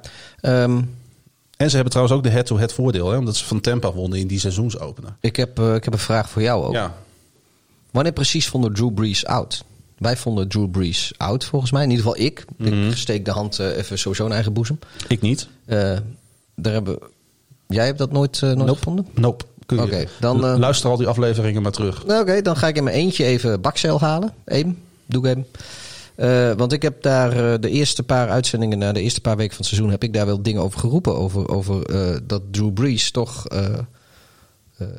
ja, die, die leek wel een beetje wat steken te laten vallen. Maar daar is niet zoveel meer van over. Hij doet dus hartstikke goed. De Saints defense trouwens ook. Die hielden Carolina's running back Mike Davis op slechts 12 rushing yards. Zo. Dat nou, Ja, dan mag je een zijn- feestje vieren als unit. En dit is dus de 49ste wedstrijd op rij dat de Saints defense een tegenstander op minder dan hon- 100 rushing yards houdt. Zo. Eh, die 50ste zal er ook wel bij komen, want volgende weekend spelen ze tegen de Bears. En die hebben de- een absoluut tranentrekkende running game. Dus die 50ste die, eh, die staat al, eh, die taart die, die is al besteld. En eh, ik weet dat jij liefhebber bent van bizarre vreemde statistiekjes, Nou, toch? ja, absoluut. Nou, ik heb er eentje voor je. Carolina receiver DJ Moore. ja. Die heeft nu drie wedstrijden op rij, precies 93 receiving yards. En ik weet niet of het een record is, maar, maar het moet haast wel. Want ik kan me niet voorstellen dat er eh, heel veel andere eh, receivers zijn geweest. In ieder geval niet in de moderne tijd. En volgens mij in de hele geschiedenis niet. Die drie keer op rij precies 93 receiving yards hebben. Ja, dat dus zijn- voor dat wat zijn het waard dat is. Zijn geen, dat, ik noem dat altijd NFL-porno, dat soort stats. Ja, en eh, dan, Christian McCaffrey, die, die heeft ook, eh, die is langzaamaan, eh, doet hij namens Ja. de Panthers weer mee met trainen. Oei! Eh, Dat is toch wel weer fijn volgens om mij spelen, te zien, hè? Ja, volgens mij spelen de Panthers donderdag Thursday Night Football tegen de Atlanta Falcons. Ik denk niet dat hij daar al bij gaat zijn. Dat zal lastig worden. Mhm. Maar dat CMC weer terug is, dat doet denk ik de harten van alle NFL-liefhebbers iets sneller kloppen. En voor de mensen die in fantasy hebben, leuk voor jullie. Eh, het verlies van de Panthers had trouwens nog voorkomen kunnen worden. Ik weet niet of je die wedstrijd eh, nog een beetje gevolgd hebt. Want Carolina had op een gegeven moment een 3 en 11 op de Saints 39. En Teddy Bridgewater werd toen gesekt voor een 8 yards los. Waardoor de Panthers een 65 yard field goal eh, moesten kicken. En ik, volgens mij kwam Joey Sly. Sly Ja, die kwam net die één kwam net yard twee, centimeter ongeveer te kort. Dan, Het was wel een NFL-record geweest die hem gemaakt had. Ja. Eh, die, hebben wij, die hebben wij samen nog zitten kijken, joh. ja, hier, die, precies. Die, field goal. Ja, ik moet even voor de conversatie doe ik even Ja, nee, ik, nou, nee ik, zat, ik zat ook even. Ik denk, heb ik dat gezien? Heb ik dat gezien? Want laten we die mensen, die houden we ook gewoon voor de gek thuis, hè? Ja, dat is wel zo. Ja. Hey, als de Panthers, Ze denken dat we in eh, Groningen-Zuid zitten, maar we zitten gewoon in Hilversum in de studio. Ja. Hey, als de Panthers, nou, we hebben zo'n wij hebben zo'n goede set en zo'n goed geluid, dat zou je bijna denken. Eh KVM Media is gewoon ook eh nos van het noorden. Hey, Zo'n lekker accentloos Ja, ook. Behalve als ik expres eem, eem zeg. wij moeten in Groningen moeten wij ook de KVM-busjes al ontdoen van het KVM Media logo. Ja. Maar goed. ja, dat is wel fake nieuws. eh. Hey, als de Panthers eh, mee willen doen om de knikkers, dan zullen ze wel een manier moeten vinden om de run te stoppen. Er moet de zone defense ook beter uit de verf komen. Want eigenlijk werd hier de wedstrijd verloren. Want eh, aan Teddy Bridgewater ligt het in ieder geval niet. nee. Gaan we naar de, de Detroit Lions, die in Atlanta tegen de Falcons speelden. Dat was een leuke wedstrijd. Oh, dat was genieten, hè? Voor de, voor de neutrale kijker was het, was het natuurlijk weer geweldig om naar de Ja. Atlanta Falcons te kijken. Behalve eh, eh, op het oog. Want qua jerseys was het echt absoluut verschrikkelijk. Ja, en dat, en dat veld van de Falcons ligt er ook bij alsof, alsof je in een, ja, in een Detroit, speel- speelt. Detroit speelde al met van die afzichtelijke grijze tenues, grijze broeken en grijze shirts. En dan eh, op de een of andere manier is het kunstgras in, in Atlanta ook grijs. Dus die hadden een soort van schutkleur. De, zeker voor de Het was haast, ja, af en toe kon je ze gewoon niet eens zien. En dan, en dan hebben die, die Atlanta-spelers die hebben een, een shirt aan dat van, van boven rood is. En dan de broek is zwart. En dan gaat het in gradient gaat het van rood naar zwart over. Ja, en dat is ook gewoon niet om aan te gluren. Ik, eh, nee, qua jersey eh matchup was dit het verschrikkelijkste wat, van het weekend. En ik denk tot nu toe van het seizoen. Ja, die wedstrijd was natuurlijk niet heel bijzonder. Tot en met 1 minuut en 4 seconden voor tijd. Eh, ik ga ook gewoon door. Eh, Matthew Stafford kreeg toen namelijk een cadeautje om 75 yards te overbruggen. En hij pakte dat eh, presentje met liefde uit. En wat ging daaraan vooraf? Nou, dat brengt ons bij de biertopper van, de, week.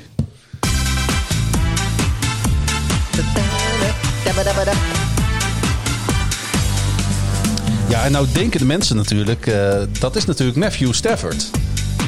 De biertopper van de week. Je zou het haast denken. Je zou het haast denken, hè? Maar wij hebben niet voor Matthew Stafford gekozen. Wij hebben gekozen namelijk voor Falcons running back Todd Gurley. Todd, Girly. van harte gefeliciteerd. Jij bent de biertopper van de week. En eh, waarom is dat? Nou, Todd Gurley die, eh, scoorde namelijk een touchdown. Terwijl de Falcons met een 16-14 eh, achterstand eh, in field goal range... gewoon de klok hadden kunnen laten uitlopen. Ze hadden drie puntjes kunnen binnenschieten voor de overwinning. Maar wat deden de Lions? Die lieten Gurley heel slim expres scoren. Ja, en, en Gurley die wilde eigenlijk wel niet scoren. Maar ja, die had zijn momentum. Daar kwam die één Zat yard net te laat eh, nou, achter, nee, volgens mij was echt die bal die kwam echt maar drie centimeter over de, over de plane. Maar goed, touchdown is touchdown. Ik, Ja. ik zit me wel af te vragen achteraf. Als je nou als, als stel dat nou twee die Detroit-verdedigers eh Gurley hadden opgetild en hem zelf de endzone in hadden gedragen met bal en al, had dat ook geteld of zou er dan op een gegeven moment een keer afgefloten zijn? Ik denk het wel. Want dat was natuurlijk nog veel mooier geweest, maar dit was het op één na mooiste scenario Want voor de eh, neutrale even, kijker. Even, even voor wie, wie dat niet helemaal begreep. Wat ging hier nou mis, eh, Pieter? Ja, de, de, de, de Falcons die staan één punt voor. En Nee, twee. twee. Oh, sorry, twee punten voor. En die staan aan de poorten van de endzone van Detroit te kloppen. Met nog eh, heel weinig eh, te gaan in de wedstrijd. Die- Ik denk, Detroit heeft iets geen- meer dan een minuut. Ja. Iets meer dan een minuut. Een minuut en vier seconden. En de, Ja. en de, en de Lions hebben geen time-outs meer. Eh, ja. En op het moment dat iedere keer als, als de, de Falcons zeg maar de bal vangen en, en daarna meteen met hun knie op de grond gaan zitten, dan kunnen ze weer 40 seconden van de klok afhalen. En zo naar het einde van de wedstrijd gaan. En uiteindelijk met nog twee of drie seconden op de klok kunnen ze gewoon een field goal maken met nog drie puntjes erbij. En dan is het op, over en uit. Maar ja, Gurley die eh, liep iets te ver door en die maakt per ongeluk een touchdown. Hij denkt van ja, hartstikke leuk, hartstikke mooi. Het, zal- het zullen de Atlanta Falcons ook niet zijn, hè? Ja, en... eh oh, er zaten trouwens twee punten achter. Ze moesten Ja, die twee punten ja, twee achter. Ze punten moesten- achter. Ik zei twee punten voor. Maar Ze goed, eh, ja. dus, dus in plaats van drie punten scoren ze er nu zes. Nou ja, dat werden er maar zeven met, eh, met die extra punten bij. Maar toen hadden de Falcons en met, of de, de, de Lions en met Stafford... die hadden toen nog een minuut om eh, eh, dat veld over te steken. 80, eh, 75 yards overbruggen. Om een winnende touchdown te kunnen maken. En, dat En? lukte ze Dat lukte. op, op een, een bizarre, bizarre manier. Maar dat, ja, dat was gewoon voor de neutrale kijker was dat zo'n absoluut hoogtepunt. Dat, eh, ja, dat we, ja, we zijn Todd Gurley gewoon heel dankbaar hiervoor. Zo. Timing, hè? en bedankt, eh, Guillermo. En ja, Gu- Nee, weet Tropical je, Danny ook. Het is een beetje cynisch natuurlijk dat wij gekozen hebben voor deze biertoppen van de week. Maar dat komt dus gewoon omdat dit is het spektakel wat de NFL is. Iedere ook- wedstrijd heeft iets wat, wat, wat het weer geweldig maakt. Ja, maar, juist, maar dit, dit was een van die dingen die ook deze Red Zone zo'n absoluut geweldig Precies. mooie Red Zone maakte. Ja. Ah, en, en ik vind dat, eh, nou laat, laat ik zo zeggen, eh, Todd Gurley eh, deelt de honneurs met Matthew Stafford, die natuurlijk wel een geweldige Ja, laatste de, de Lions en, de, en, en, en, en Stafford die moeten het wel even doen. En laten we ook even wel zijn, de hele wedstrijd lang houden de defense van Atlanta houdt eigenlijk de Lions in, in, in, in toom en houdt de, de, de, houdt de Falcons in de wedstrijd. Ja, de, de volledig laatste minuut- de Ja. verdediging van de Falcons. Ja, die, die, die het hele seizoen eh, nog geen, waar nog het hele seizoen geen positief woord over gezegd is. Misschien door hun moeders, maar verder echt door niemand. Mhm. En in de laatste minuut, zeg maar, waar je de wedstrijd eh, eh, maakt of breekt. ja, geven ze echt totaal niet thuis. Ja, ook we- niet een beetje, maar gewoon echt het, helemaal we hebben het ook niet over een rookie eh running back, hè? Nee. Nee, Todd Gurley heeft het al twee keer eerder gedaan. Een keer tegen, sowieso tegen de Packers, twee jaar geleden namens de Rams. En hij heeft het volgens mij ook een keer, volgens mij hetzelfde seizoen, tegen de Lions gedaan. Kon trouwens ook nog wel. Dat, Hij, eh, hij kan gewoon niet, eh, niet, niet scoren. Dat is het. nou nee, toen heeft hij zowel tegen de Packers als tegen de Lions... heeft hij keurig netjes op de 1 yard line... ging hij gewoon eh, zichzelf Nee, oké. neerzetten. Ja, dus ja. Gurley weet dit. En die heeft dit al twee keer eerder gedaan sowieso. Maar ligt dit dan gewoon aan, aan, aan überhaupt het seizoen van de Falcons? Ja, en, hoe, dat, en- hoe dat team op dit moment rondloopt Nou, in de ik, NFL? ik, ik denk dat Gurley nu weer probeerde om die bal op de 1 yard line te leggen. En eh, dan konden, ze, konden de, de, Ja. de Falcons nog één keer knielen. En daarna konden ze de, de, de field goal unit naar buiten sturen. En wat er gebeurde is dat hij ont, probeerde te tackle te ontwijken. En kreeg een klein duwtje volgens mij van een van die Lions-verdedigers. En daardoor verstapte hij zich. Ja. En, en ja, dan lukt het net niet om precies goed te vallen. En hij valt met die bal een paar centimeter te ver. Het was een beetje een Wim Kief momentje. De witte lijn kwam sneller dan die dacht. Ja, eigenlijk had hij hem door de endzone moeten fambelen. Volgens mij had hij hem dan gewoon op de 1 yard line Oh. gekregen. Goed. Hij komt niet helemaal over. Nee, maar ja, ik ga niet, we gaan niet praten over Wim Kief. Eh, Oké, dan gaan we. Weet je waar we het wel even over gaan hebben? Ik, eh, tijd om bier te halen, geloof ik. En je, kan jij je verhaal doen en dan kunnen we daarna gewoon naar de volgende Ja, wedstrijd. jij mag nog wel even een biertje voor me halen. En eh, de Green Bay Packers speelden namelijk, namelijk in Houston tegen die, eh, tegen die Texans. Het werd 35 tegen 20. En de Packers verloren nog nooit in Houston. En daar kwam na zondag geen verandering in. Na een beschamende nederlaag in Tampa Bay vorige week was alles weer als van ouds. Voor de Green Bay Packers in Houston. Green Bay staat 5-1 en staat daarmee gewoon weer ouderwets aan de leiding in de NFC North. De connectie met Devante Adams is van hoog niveau. En ook de Packers defense kwam met name na rust met een paar goede stops. De Packers kwamen met een 21-0 ruststand en een 28-7 tussenstand na drie kwarten nooit in de problemen. Ja, en voor de Texans ja, zijn dit soort wedstrijden volgens mij gewoon net even te hoog gegrepen. Watson doet echt wel alles binnen zijn fysieke mogelijkheden om er wat van te maken. Maar speelt bij een franchise die er een gigantisch zootje van heeft gemaakt. Ondertussen, ondertussen ondanks dat trouwens, lijkt interim coach eh Cornell de boel wel wat beter op de rit te hebben dan O'Brien. Maar goed, de Packers winnen eh, vrij makkelijk. En we gaan door. Ja, nou ja, goed. eh, Aaron Rodgers is eh, gewoon goed. En nee, het, het, ja. Ja, we kunnen wel gaan analyseren hier, maar... Nee, eh, hier is niks te analyseren. Anders dan dat de Packers gewoon, eh de Packers zijn gewoon een heel goed zijn van die beschamende nederlaag in Tampa. En, en Houston Texans, die, eh, die hadden natuurlijk een hele slechte seizoenstart. En die leken zich een beetje te herpakken. Maar op het moment dat ze dan weer tegen een goed team gaan spelen... dan eh, gaan ze gewoon weer keurig netjes door het ijs. Gaan we snel door naar de Dallas Cowboys, het de Washington voetbalteam.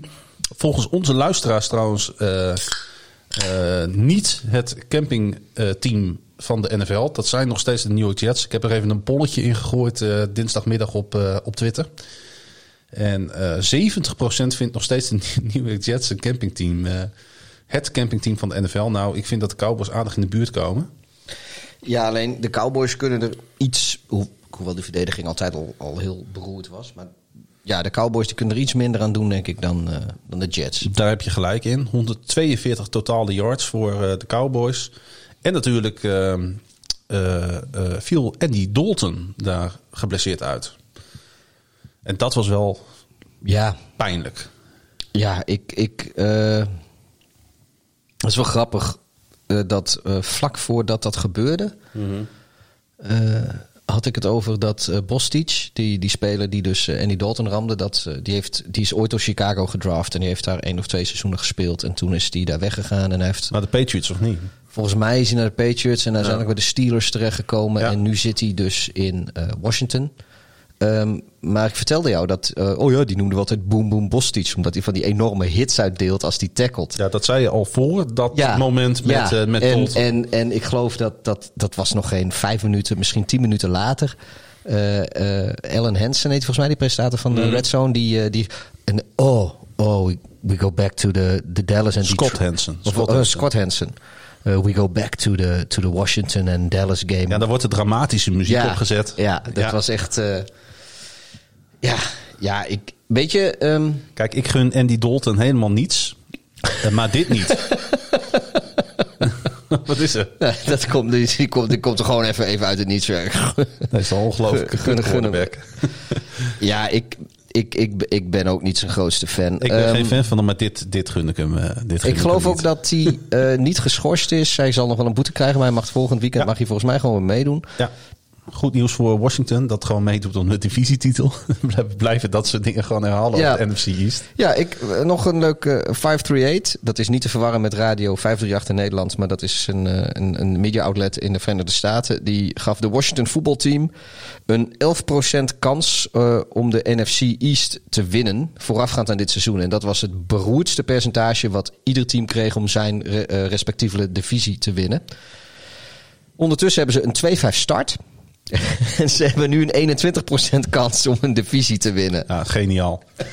ja, ik hou van deze divisie. Ja, ik, ik echt, jongen, die, die, die, die NFC East is gewoon echt een meme-divisie aan het worden. Ja, ik En, heb, eh, ik vind het leuk. Ik ben zo blij dat niet een van mijn teams daarin speelt. Of dat deze ellende niet gebeurt in een divisie waar eh, mijn team in speelt. Waar ik wel ongelooflijk fan van ben, is Antonio Gibson, de running back van de Washington voetbalteam.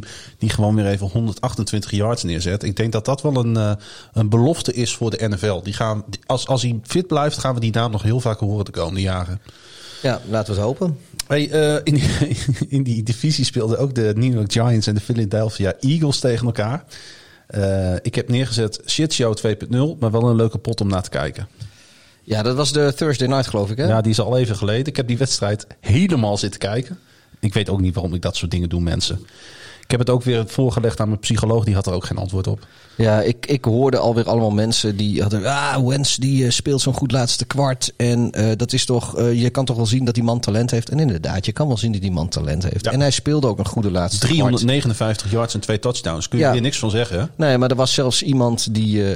ik zal geen namen noemen, maar een van onze luisteraars... Die, die had hem voorgedragen als biertopper van de week zelfs. En, en ik had zoiets van... Nou, dat doen wij niet. Nee, ik zat zoiets van... ja, nee, dat, dat gaat gewoon niet gebeuren. Want, Nee, gaat veel te ver. ja, ik ga niet Ik word ook een beetje boos en verdrietig om, merk ik nu. Nou ja, zo ver wil ik niet gaan. Maar ik, ik geloof wel dat ik zei van ja, luister, als iemand eerst eh, drie kwarten lang eh, op jouw bed poept, dan ga je hem niet belonen omdat hij in het vierde kwart de stront van je bed heeft geschept. De Jacksonville Jaguars die speelden tegen de Chargers. De einduitslag van die wedstrijd was 29-39. En ehm, en weet je, ik zat naar die wedstrijd te kijken en ik dacht, in de NFL is een quarterback scouten eh, gewoon best wel een complex element van de scouting. En toch kwamen de, Joh. ja, dat, dat, kwam in één keer, dat kwam in één keer in me op, die zin. Nee, dat Ik zat ja. er naar te kijken en ik Ja. denk, in de NFL is een quarterback scout het meest complexe element van Ja. scouting. Weet je, vaak dan, je, je draft wat, je, gooit dingen tegen de muur en je hoopt dat ze blijven plakken. Ik zal niet zeggen wat je tegen de muur gooit, want Nee. Maar de Chargers kwamen op de een of andere manier bij deze Justin Herbert uit. En hij stelt niet teleur. Hij eh, excelleerde zowel als student als sporter in Oregon. En tijdens zijn 42 wedstrijden voor de Ducks. En eh, ik, ik, zat hem, ik, ik, kijk, ik ben niet geen college kenner. En ik ga ook nooit eh, pretenderen dat ik dat ben. Maar daarom ben ik even ingedoken. En ik zag gewoon dat hij... Op college is hij backup geweest. Hij is running back geweest. En hij heeft zelfs defense gespeeld. En als je hem nu ziet spelen, vraag je je af waarom. Ja, nee, maar dat, dat is dus inderdaad het. eh, k- Kijk, de, de draft is een wetenschap op zich. En eh, nou, dat, daar heb je gelijk in. Een quarterback draften is weer een wetenschap in die wetenschap. Ja. De quarterback draft staat eigenlijk ook los van eh, de, de NFL draft. Ja. Om het zo maar te zeggen. Ik bedoel, eh, Nou, de vraag is natuurlijk, is het dan gelukt dat de Chargers hem hebben gekozen of is het, hebben ze het gewoon goed gezien? ik denk dat er wel degelijk geluk is, ja. Ja. Kijk, als je, eh, eh, nou, als je, als je bijvoorbeeld kijkt naar Tom Brady, wat misschien wel de beste quarterback aller tijden is en eh, sowieso top 5 aller tijden. Eh, die is met de 199ste pick is die gekozen. En dan kun je wel zeggen van, ja, dat is hartstikke knap eh, dat, eh, dat de Patriots dat destijds gezien hebben. Maar dat is natuurlijk bullshit, want die hebben, weet ik hoeveel rondes, hebben ze gewoon niet gekozen voor Tom Brady. Met alle risico's van dat een ander team hem uiteindelijk wel zou nemen. Dus je maakt mij niet wijs dat eh, ze bijvoorbeeld bij New England van tevoren al wisten van nou, dat kunnen we echt wel helemaal achteraan in de draft, kunnen we die nog een keer oppikken. Hetzelfde met eh, Russell Wilson, die is in de derde ronde. Ja, Eh, Dak. Prescott is bijvoorbeeld ook in de derde ronde. Wat denk jij nou dat als ze in, in Seattle of in Dallas zo overtuigd waren van het talent van een Prescott of van een Wilson, dat zij dan het risico lopen dat, dat, Nee, dat, ze, dat, ze, dat ze bijna 100 picks langs laten komen eh, voordat ze eh, hun man oppakken? De belangrijkste positie in je team. Nee, gewoon niet. Dus, dus daar zit echt een enorme eh, mate van geluk zit daarbij. En ik ben, nou ja, Zelfs een quarterback als Lamar Jackson, die heeft gewoon 31 spelers voor zich Ja. die gaan. En de Ravens hebben uiteindelijk moeten traden toen om op die 32e plek terug, eh, terecht te komen, zodat ze. Lamar Jackson konden pikken. Ja, ik moet. Dat is volgens mij wel een beetje anders gegaan. Want volgens mij was Lamar Jackson. Die was. eh, volgens mij had niemand gedacht dat hij voor. op zijn vroegst de tweede helft van de tweede ronde zou gaan. Ja. Alleen, ja, waarschijnlijk, daar hadden volgens mij de, de Ravens geen picks meer. Of ze wilden daar het risico niet voor nemen. Dus dat snap ik. Weet je, als je een man eh, denkt te kunnen pakken, moet je hem pakken. Maar als jij gewoon in de derde ronde, of in de vierde ronde, of in de zesde ronde een quarterback gaat draften en dat pakt goed uit. Ja, dat is gewoon strontgeluk. Nou ja, hij, ondanks de twee overwinningen is het een genot eh, Oh ja, en- om te kijken naar Herbert natuurlijk. En de Mitch. Trubisky was een tweede ronde pick om er wat te Ja, dat of een tweede overall pick. Ja. Nou ja, dat is- lijkt op dit moment ook niet bepaald een onverdeeld succes te Nee, zijn. nee, dat geeft aan dus hoe lastig het gewoon is. Eh, wat is ja. Sam Darnold, om wat te noemen. Ja. Eh, volgens mij is Daniel Jones van de Giants is volgens mij ook een eerste ronde pick geweest. Ja. Hey, gaan de Chargers nog omhoog krabbelen in de, in de AFC, denk jij? Of eh wordt het toch gewoon... Ja, ze hebben een hele moeilijke divisie natuurlijk met, eh, met de Raiders en, de, Mhm. en de, de, de Chiefs vooral erbij in. Ze hadden nu natuurlijk een hele fijne tegenstander, Jacksonville. Ja. Daar, daar kan ieder team van winnen namelijk. En dat, Nee. dat deden ze dan ook. Ik denk niet dat eh, de huidige eh, Chargers een top 7 team in de AFC zijn. Nee. Eh, met heel veel geluk eh, en wat pech bij, bij andere teams kunnen ze er wel Zou komen. Want ik denk wel dat ze in de hand kunnen blijven een hele Mhm, poos. Dat denk ik ook. Maar eh, als, als er bij de, de, bij de contenders, om het zo maar te zeggen, niet, niet absoluut rare blessures of COVID-uitbraken of Ze zijn, ze, wat zijn, ze zijn 2-4. Het wordt wel heel lastig. ja, ik, ze kunnen niet op eigen kracht. Nee. Hey, wie het wel op eigen kracht kunnen, dat zijn de Kansas City Chiefs. Die gewoon ja, in de sneeuw van, eh, van eh, Colorado ehm, ja, gewoon heel makkelijk wonnen. Broncos zijn ontzettend matig. Eh, Chiefs hebben trouwens een touchdowns gescoord op offense, defense en special teams. Dat zegt ook wel weer wat, want Mahomes had echt geen hele goede dag. Maar die is het voor een quarterback in de sneeuw lastig een goede Ja. dag te hebben. Dat maar hij wordt wel gezegd. het, hij hoefde natuurlijk hoeft ook niet. Dus Chiefs... Ja, je hebt zelden in de NFL makkelijke overwinningen. De Chiefs hadden er nu een. Ja, joh. Eh, Chad Hen die heeft zijn opwachting gemaakt als relief voor eh, Patrick Mahomes. Dus eh, Mahomes die op een ook zoiets van... Joh, ga, jij maar- ga jij maar lekker douchen, joh. Doe lekker wat warme kleren aan. Precies. Ehm, en ik, nou ja, ik ga het toch even zeggen. Het sneeuwde natuurlijk in Colorado. Er zijn daar ernstige bosbranden geweest. Ja, Eh goede bekende van ons, die waar wij vroeger mee hebben samengewerkt, Jules Zeen, die woont daar. En eh, zijn huis staat nog overeind. Ja, zijn we Mede- blij om. Mede dankzij de sneeuw die daar eh, eh, vroeg in het Ja. jaar gevallen is. Jules en Grace, we zijn blij voor jullie. En voor de hond. Ik vergeet alleen maar hoe de hond heet. Maar nee, mooi dat, eh, mooi dat het nog staat. Hartstikke mooi. Nou, precies. Hey, we hebben alle wedstrijden gehad. Wow, binnen anderhalf uur. Dus eh, we hebben tijd voor een, eh, voor een, voor een extra item. Ja, we- Ja, joh, we gaan het gewoon doen. Als je, jongens, als er doen? geen, ja, joh, als je er geen zin meer in hebt, eh, zet die podcast gewoon lekker ja, af. of spoel even door, want we gaan zo, met- zo Oh meteen ja, we gaan voorspellen. voorspellen. We gaan voorspellen voor week 8. Maar eh, eh, we hebben inderdaad een nieuw programma-item. en dat heet... Zeg het maar, laat me maar in. Who's that man? Oh, moet ik wel even op de goede knop drukken. Komt-ie. En dit is, dit is mooi, mensen. Luister hiernaar. Dit is, dit is mooi.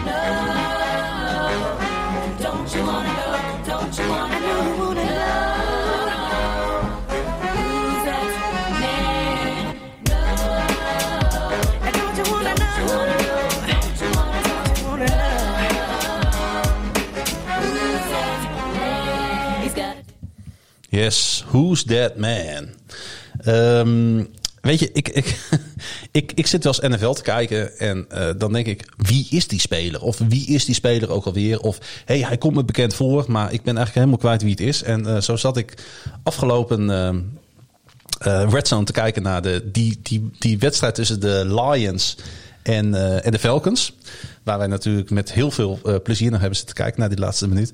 En wij zagen, ik zag daar een, eh, Ja, een, defender van de Lions. En die, ik moest een beetje aan mezelf denken. ja even. Laat even, ik maar gewoon eerlijk zijn. Ja, om, om het beeld even te schetsen. Eh, we hebben het net natuurlijk gehad over hoe in een minuut de Lions nog even 75 yards overbrugden voor een game-winning drive zonder timeouts. Dus er zat heel veel haast bij. En op een gegeven moment hebben de Lions vlak voor de, de endzone van de, van de Falcons een nieuwe first down gehaald. En kunnen ze hun shot op de endzone doen. Maar ze moesten natuurlijk zo snel mogelijk hun spelers op de line of scrimmage hebben. Om die bal te kunnen spiken zodat de klok even stilgezet werd. En je ziet gewoon op het moment dat iedereen klaar staat, dan komt er van, van links, van buiten beeld, komt er een iets te dikke speler van de Lions nog aangerend. Die, die, die wil stoppen. Vlak voor de plek waar hij zichzelf klaar moet zetten. En hij valt gewoon, faceplant zichzelf zo in dat kunstgras in het stadion. Gewoon om, om nou ja, dat, dat zag er zo kolderiek uit. Dat meteen was er een nieuw item geboren. En we Nou ja, wilden dus je- kijken wie die speler was. En dat gaat eh, Klaas-Jan nu vertellen, geloof ik. Nou ja, dat is Danny Shelton. Eh, en we gaan dit iedere week terug laten komen. Omdat ik het gewoon heel leuk vind om af en toe gewoon een speler eruit te pakken. Die niet die quarterback of die star wide receiver is. Of die, eh, Die, die topverdediger. Ja, die, die- precies. Niet, niet, niet de Watts en de. Max van deze wereld. Ja. En ehm, eh, Danny Shelton, maar eh, hij is op zich wel een redelijk bekende naam hoor, Danny Shelton in de NFL. Maar eh, we weten gewoon heel weinig over hem. En dan, ik, het is ook, het is, zal de NFL ook niet zijn dat je juist in zo'n speler je gaat verdiepen. En dan komt er een verhaal naar boven. Even heel kort, hij is geboren op 20 augustus 1993. En hij werd gedraft door de Cleveland Browns in de eerste ronde van de 2015 NFL Draft. En hij was daar zo blij mee dat hij Roger Goodell op het podium omhelsde en hem optilde. dus hij, gewoon, Roger Goodell die hing daar gewoon anderhalf meter boven het podium in de lucht, omdat eh, deze Danny Shelton hem optilde. Hij speelt eh, trouwens het liefst eh, met nummer 55 als eerbetoon aan zijn broer Shannon. En daar komen we zo op terug. En voormalig NFL-linebacker Junior So. En die kennen wij nog wel, Pieter. Ja. Een eh, geweldige speler bij de toen nog San Diego Chargers, volgens mij. Die, Patri- Patriots heeft ook gespeeld. ja, die toen ook eh 55 droeg. Ja, Hij, die eh, heeft hij is, 2012 heeft hij op een hele, hele tragische manier een einde gemaakt aan zijn, aan zijn leven. ja, dat is eigenlijk altijd wel tragisch trouwens hoor. Ja, nee, maar ik, ik vond dit, eh, dit verhaal greep me destijds aan. Dat Ja, weet ik nog, omdat hij zichzelf eh, door zijn borst heen schoot. eh, met, met in zijn, zijn laatste afscheidsbrief. van joh, ik heb mezelf door mijn borst geschoten, want dan kunnen mijn hersenen onderzocht worden. Want deze sport heeft mij kapot gemaakt. Ja, ja. En misschien ook eens een keer een onderwerp om trouwens aan te snijden, maar eh treurig verhaal. Maar op zich mooi dat dus deze Danny Shelton juist met dat nummer wil spelen. Ja. En het heeft alles te maken met zijn broer. Want eh, op 1 mei 2011, dat is eh, niet zo heel eh, kort natuurlijk voor dat andere verhaal van, van So, werd Shannon, de broer van Danny, namelijk doodgeschoten tijdens een incident in King County, vlakbij Seattle ligt dat. En dat begon met een ruzie tussen een jongen en een meisje van 13 jaar, mind you, op straat. Beiden gingen over eh, elkaar klagen bij hun families. En dat leidde dan weer tot een ehm, gevecht tussen verschillende mensen bij een appartementen- appartementencomplex. Zes blokken van waar Shannon uiteindelijk het leven zou moeten laten. Nou, laten. Wat is er nou gebeurd? Gaston Shelton, dat is een van de oud, eh, oudste, oudere broers in Danny's Samoaanse familie, was toevallig op bezoek bij een vriend die in het reeds eerder genoemde appartementencomplex woont en begon de ruzie op te nemen met zijn mobiele telefoon. Het werd even rustig, maar een complex verderop laaide de ruzie weer op met nieuwe en oude deelnemers. En zo sloeg de buurtruzie over van appartementencomplex naar appartementencomplex. Volgens het politierapport waren er zeker 35 mensen bij betrokken. En toen gebeurde het. Per ongeluk werd Gaston, dus een, die oudere broer, eh, geslagen tijdens het filmen. En hij vocht terug. Drie mannen, waaronder een zekere Olentis Woods en de oudere broer van de 13-jarige jongen die aanstichter was van dit verhaal, besprongen Gaston en verbouwden zijn gezicht. Hierop belde Gaston zijn drie broers. En die heten Shannon, Kevin en Danny. Dus Danny Shelton, hè, de eh, defender van de Lions. Om hem te komen helpen. En ze kwamen, tezamen met nog weer een vriend en een neef. En met z'n zessen zetten ze koers naar het complex waar Gaston op bezoek was. Om Olentis Woods met een bezoekje te vereren. Daar kon niet veel goeds van komen. Nou, naast Atlantis waren ook zijn moeder en zus daar aanwezig. En toen ze bij eh, hun voor de deur stonden, trok Woods op een gegeven moment een wapen. Een eh, Walter PPK 9 mm voor de liefhebber.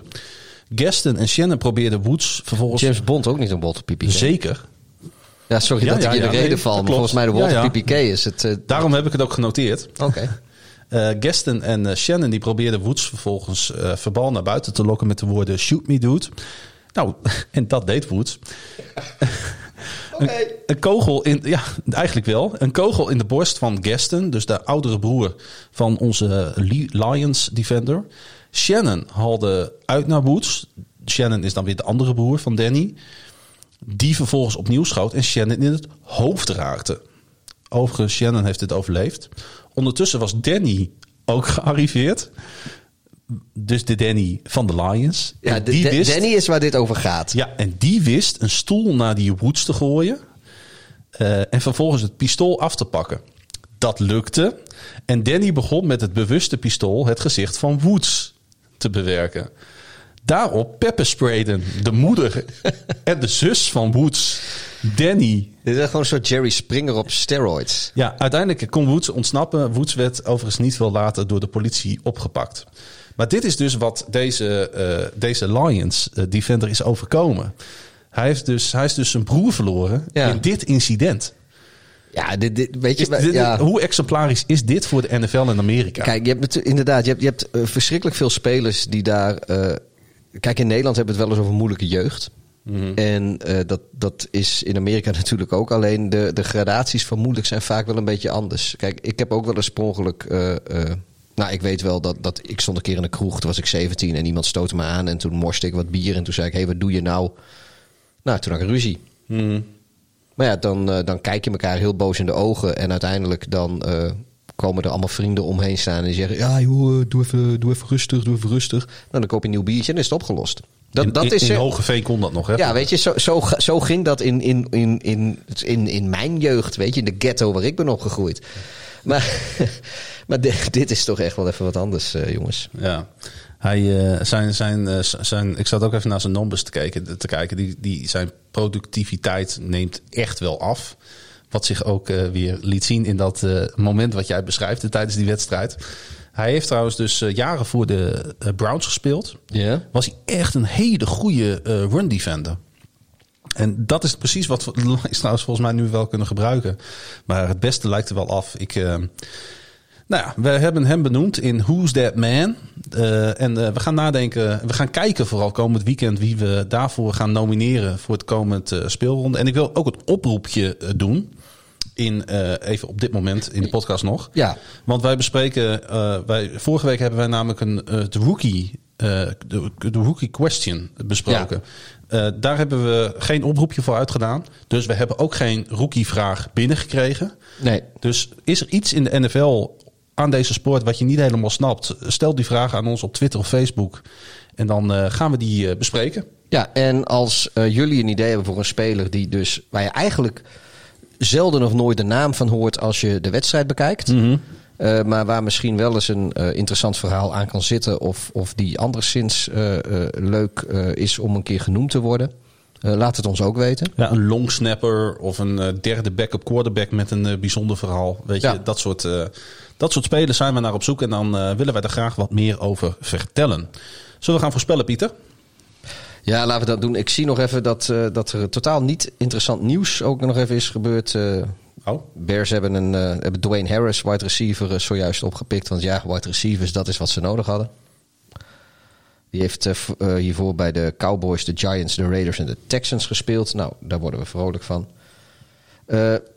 Laten we gewoon gaan inderdaad naar de voorspellingen gaan. begint met de Thursday Night Football. En die wordt gespeeld in Carolina. De Falcons gaan naar de Panthers. En Voor, voor, eh, gaan we nog even kijken wat we de afgelopen nee, voorspellingsronde nee, liever niet. hebben? ik dacht, hij vergeet dit wel. Nee, nee, nee. Dat wil, dat wil ik graag nog even, even benoemen. Ja, is er een tussenstand? Eh, er is een tussenstand, zie ik. Ja, ik heb alleen de, de Monday Night Football er nog niet ingezet. Eh, we kunnen even heel vlot gaan. Eh, nou, doe maar niet. Ja, doen we even wel. Want eh, ik, eh, ik, ik win hier gewoon weer. En dat wil ik graag gewoon even, even vastgelegd hebben kom, kom, dan maar, kom dan maar op met die tussenstand. Oh, dan moet ik even kijken. Ehm, jij hebt 1, 2, 3, 4, 5, 6 wedstrijden goed voorspeld van de, alles wat gespeeld is dit weekend. Ja. Of misschien 7, want ik had Chicago het Rams nog niet ingevuld. 7. 7 van de 14. De helft dus. Ik heb 1, 2, 3, 4, 5, 6, 7, 8, 9 uit, uit 9 maanden. Dat is ook wel slecht. Oeh, dan heb ik toch nog ergens eh, ja, wat ingehaald. Ik heb waarschijnlijk de Sunday Night en de Monday Night goed voorspeld. Eh, de San Francisco, New England en de, de, de Rams en de Bears, die, eh, die heb jij goed gedaan.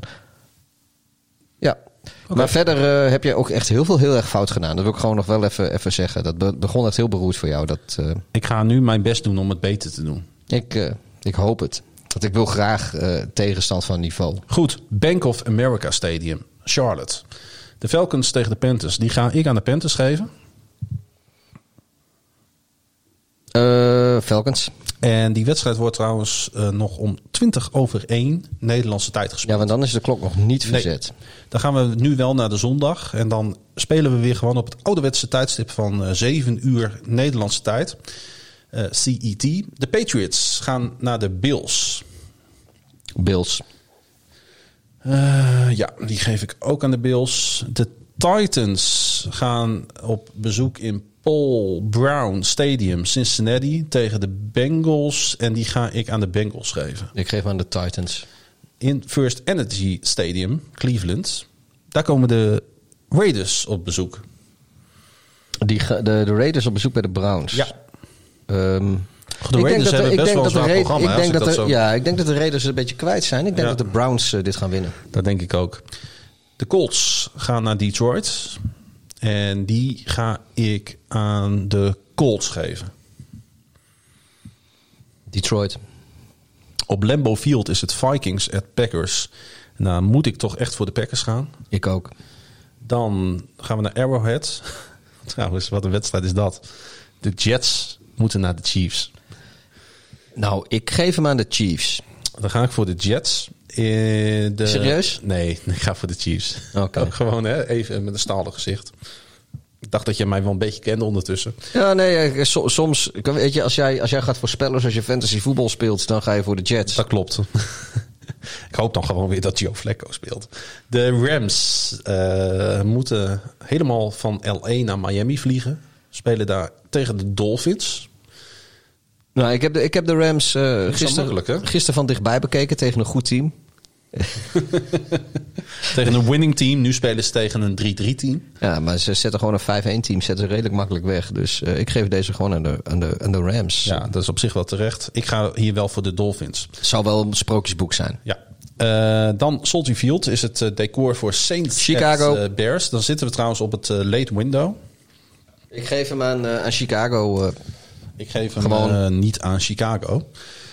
Dus aan de Saints. Dan ja, ook weer zo'n wedstrijd die we ieder jaar weer voorbij zien komen. Waar veel mensen zich op verheugen. De 49ers at Seahawks. Seahawks. Oké, Seahawks. Ik doe het ook. Dan de Sunday Night Football. De Cowboys spelen tegen... Ja, weet je, dit is ook weer... Dat is dan de Sunday Night Football. Cowboys at Eagles. Nou, aan de andere kant gaat het wel echt om de divisiewinst natuurlijk. Maar die gaat wel naar de Eagles. Ja, het gaat, ja. Dit is niet spannend, wordt voor Eagles. Dan zijn er nog wat... Maar waarom is dat? er zijn- Maar aan de andere kant, weet je, dan kun je ook gewoon zeggen... Na, eh, als Redzone afgelopen is, je ook gelijk naar bed... en ik zie morgen wel wat die prutsers ervan gebakken hebben. Ja, precies. Of er had gewoon al eerder in het seizoen ingegrepen moeten worden. En je doet gewoon lekker eh, Ravens Steelers op Sunday Night Football. Ja, maar ik bedoel, het is toch eigenlijk voor... Of voor 49ers Nee, maar voor ons in Nederland is het toch hartstikke mooi... dat je, dat je, dat je de Ravens en de Steelers om 7 uur kan kijken. Dat is waar. Ja, En dat je, dat je dit soort wedstrijden... Gooi die maar lekker... eh, Het is voor Amerika is primetime, voor ons zijn het ontijden. Ik vind het goed zo. eens. Dan hebben we nog een aantal inhaalwedstrijden, twee stuks. De Steelers en de Ravens zijn namelijk verplaatst na deze zondag. Ehm, en ik denk dus dat de Ravens thuis van de Steelers winnen. Ik geloof niet dat de Steelers naar 7-0 gaan. Ik, eh, ik zeg dat de Steelers naar 7-0 gaan. De Chargers spelen tegen de Broncos. Chargers. Ik ook. En tot slot de Monday Night Football. De Tampa Bay Buccaneers. Tom Brady gaat op bezoek in New York bij de Giants. Nou ja, ik geloof dat we daar allebei wel weten wie we daarin gaan vullen. Ja, en voor de, Dat is Tom Brady. voor de volledigheid de teams on bye. Dat zijn de Cardinals, de voetbalteam, de Jaguars en de Texans. Oké. Hey, het zit erop, Pieter. Ja, ehm, ja, we gaan ermee stoppen.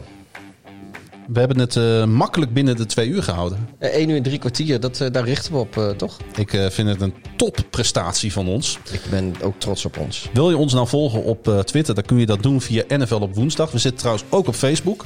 Eh, je kunt ons ook volgen op Twitter. Darth laagstreepje hideous, voor als je mij wil volgen. Als je mij wil volgen, het is het uh, Klaasje Grun, dubbel A, dubbel S, dubbel N. Je kunt ook KVM Media, het moederbedrijf. Van vele legendarische podcasts. Ik wil nog even een paar noemen daarvan. Dat is eh, voor Heracles Almelo hebben we Zwartwitte podcast. Voor eh, het basketbal in Groningen van Donar hebben we de Russo Radio. En ja, dat zijn eigenlijk wel alle, alle podcasts was het wel, reclame... hè? ja, daar Dat ga- was het wel. Meer maken we geen reclame meer voor. Nee, er is ook nog een andere podcast, maar die weigeren ons systematisch te noemen.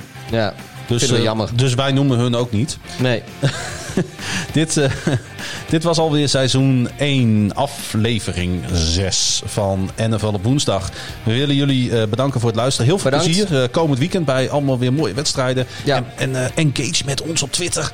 Want dan weten we ook waar we het over moeten hebben. Graag tot de volgende keer. Tot volgende week, lieve luisteraars. Hoe heet het ook alweer? NFL op woensdag. NFL op woensdag. Oh, ik heb zo'n muziekjes op mijn... eh, Oh, hier is de eindbeat. Ja. Beste Mooi mooie hoor, echt heel mooi. Beste mooi.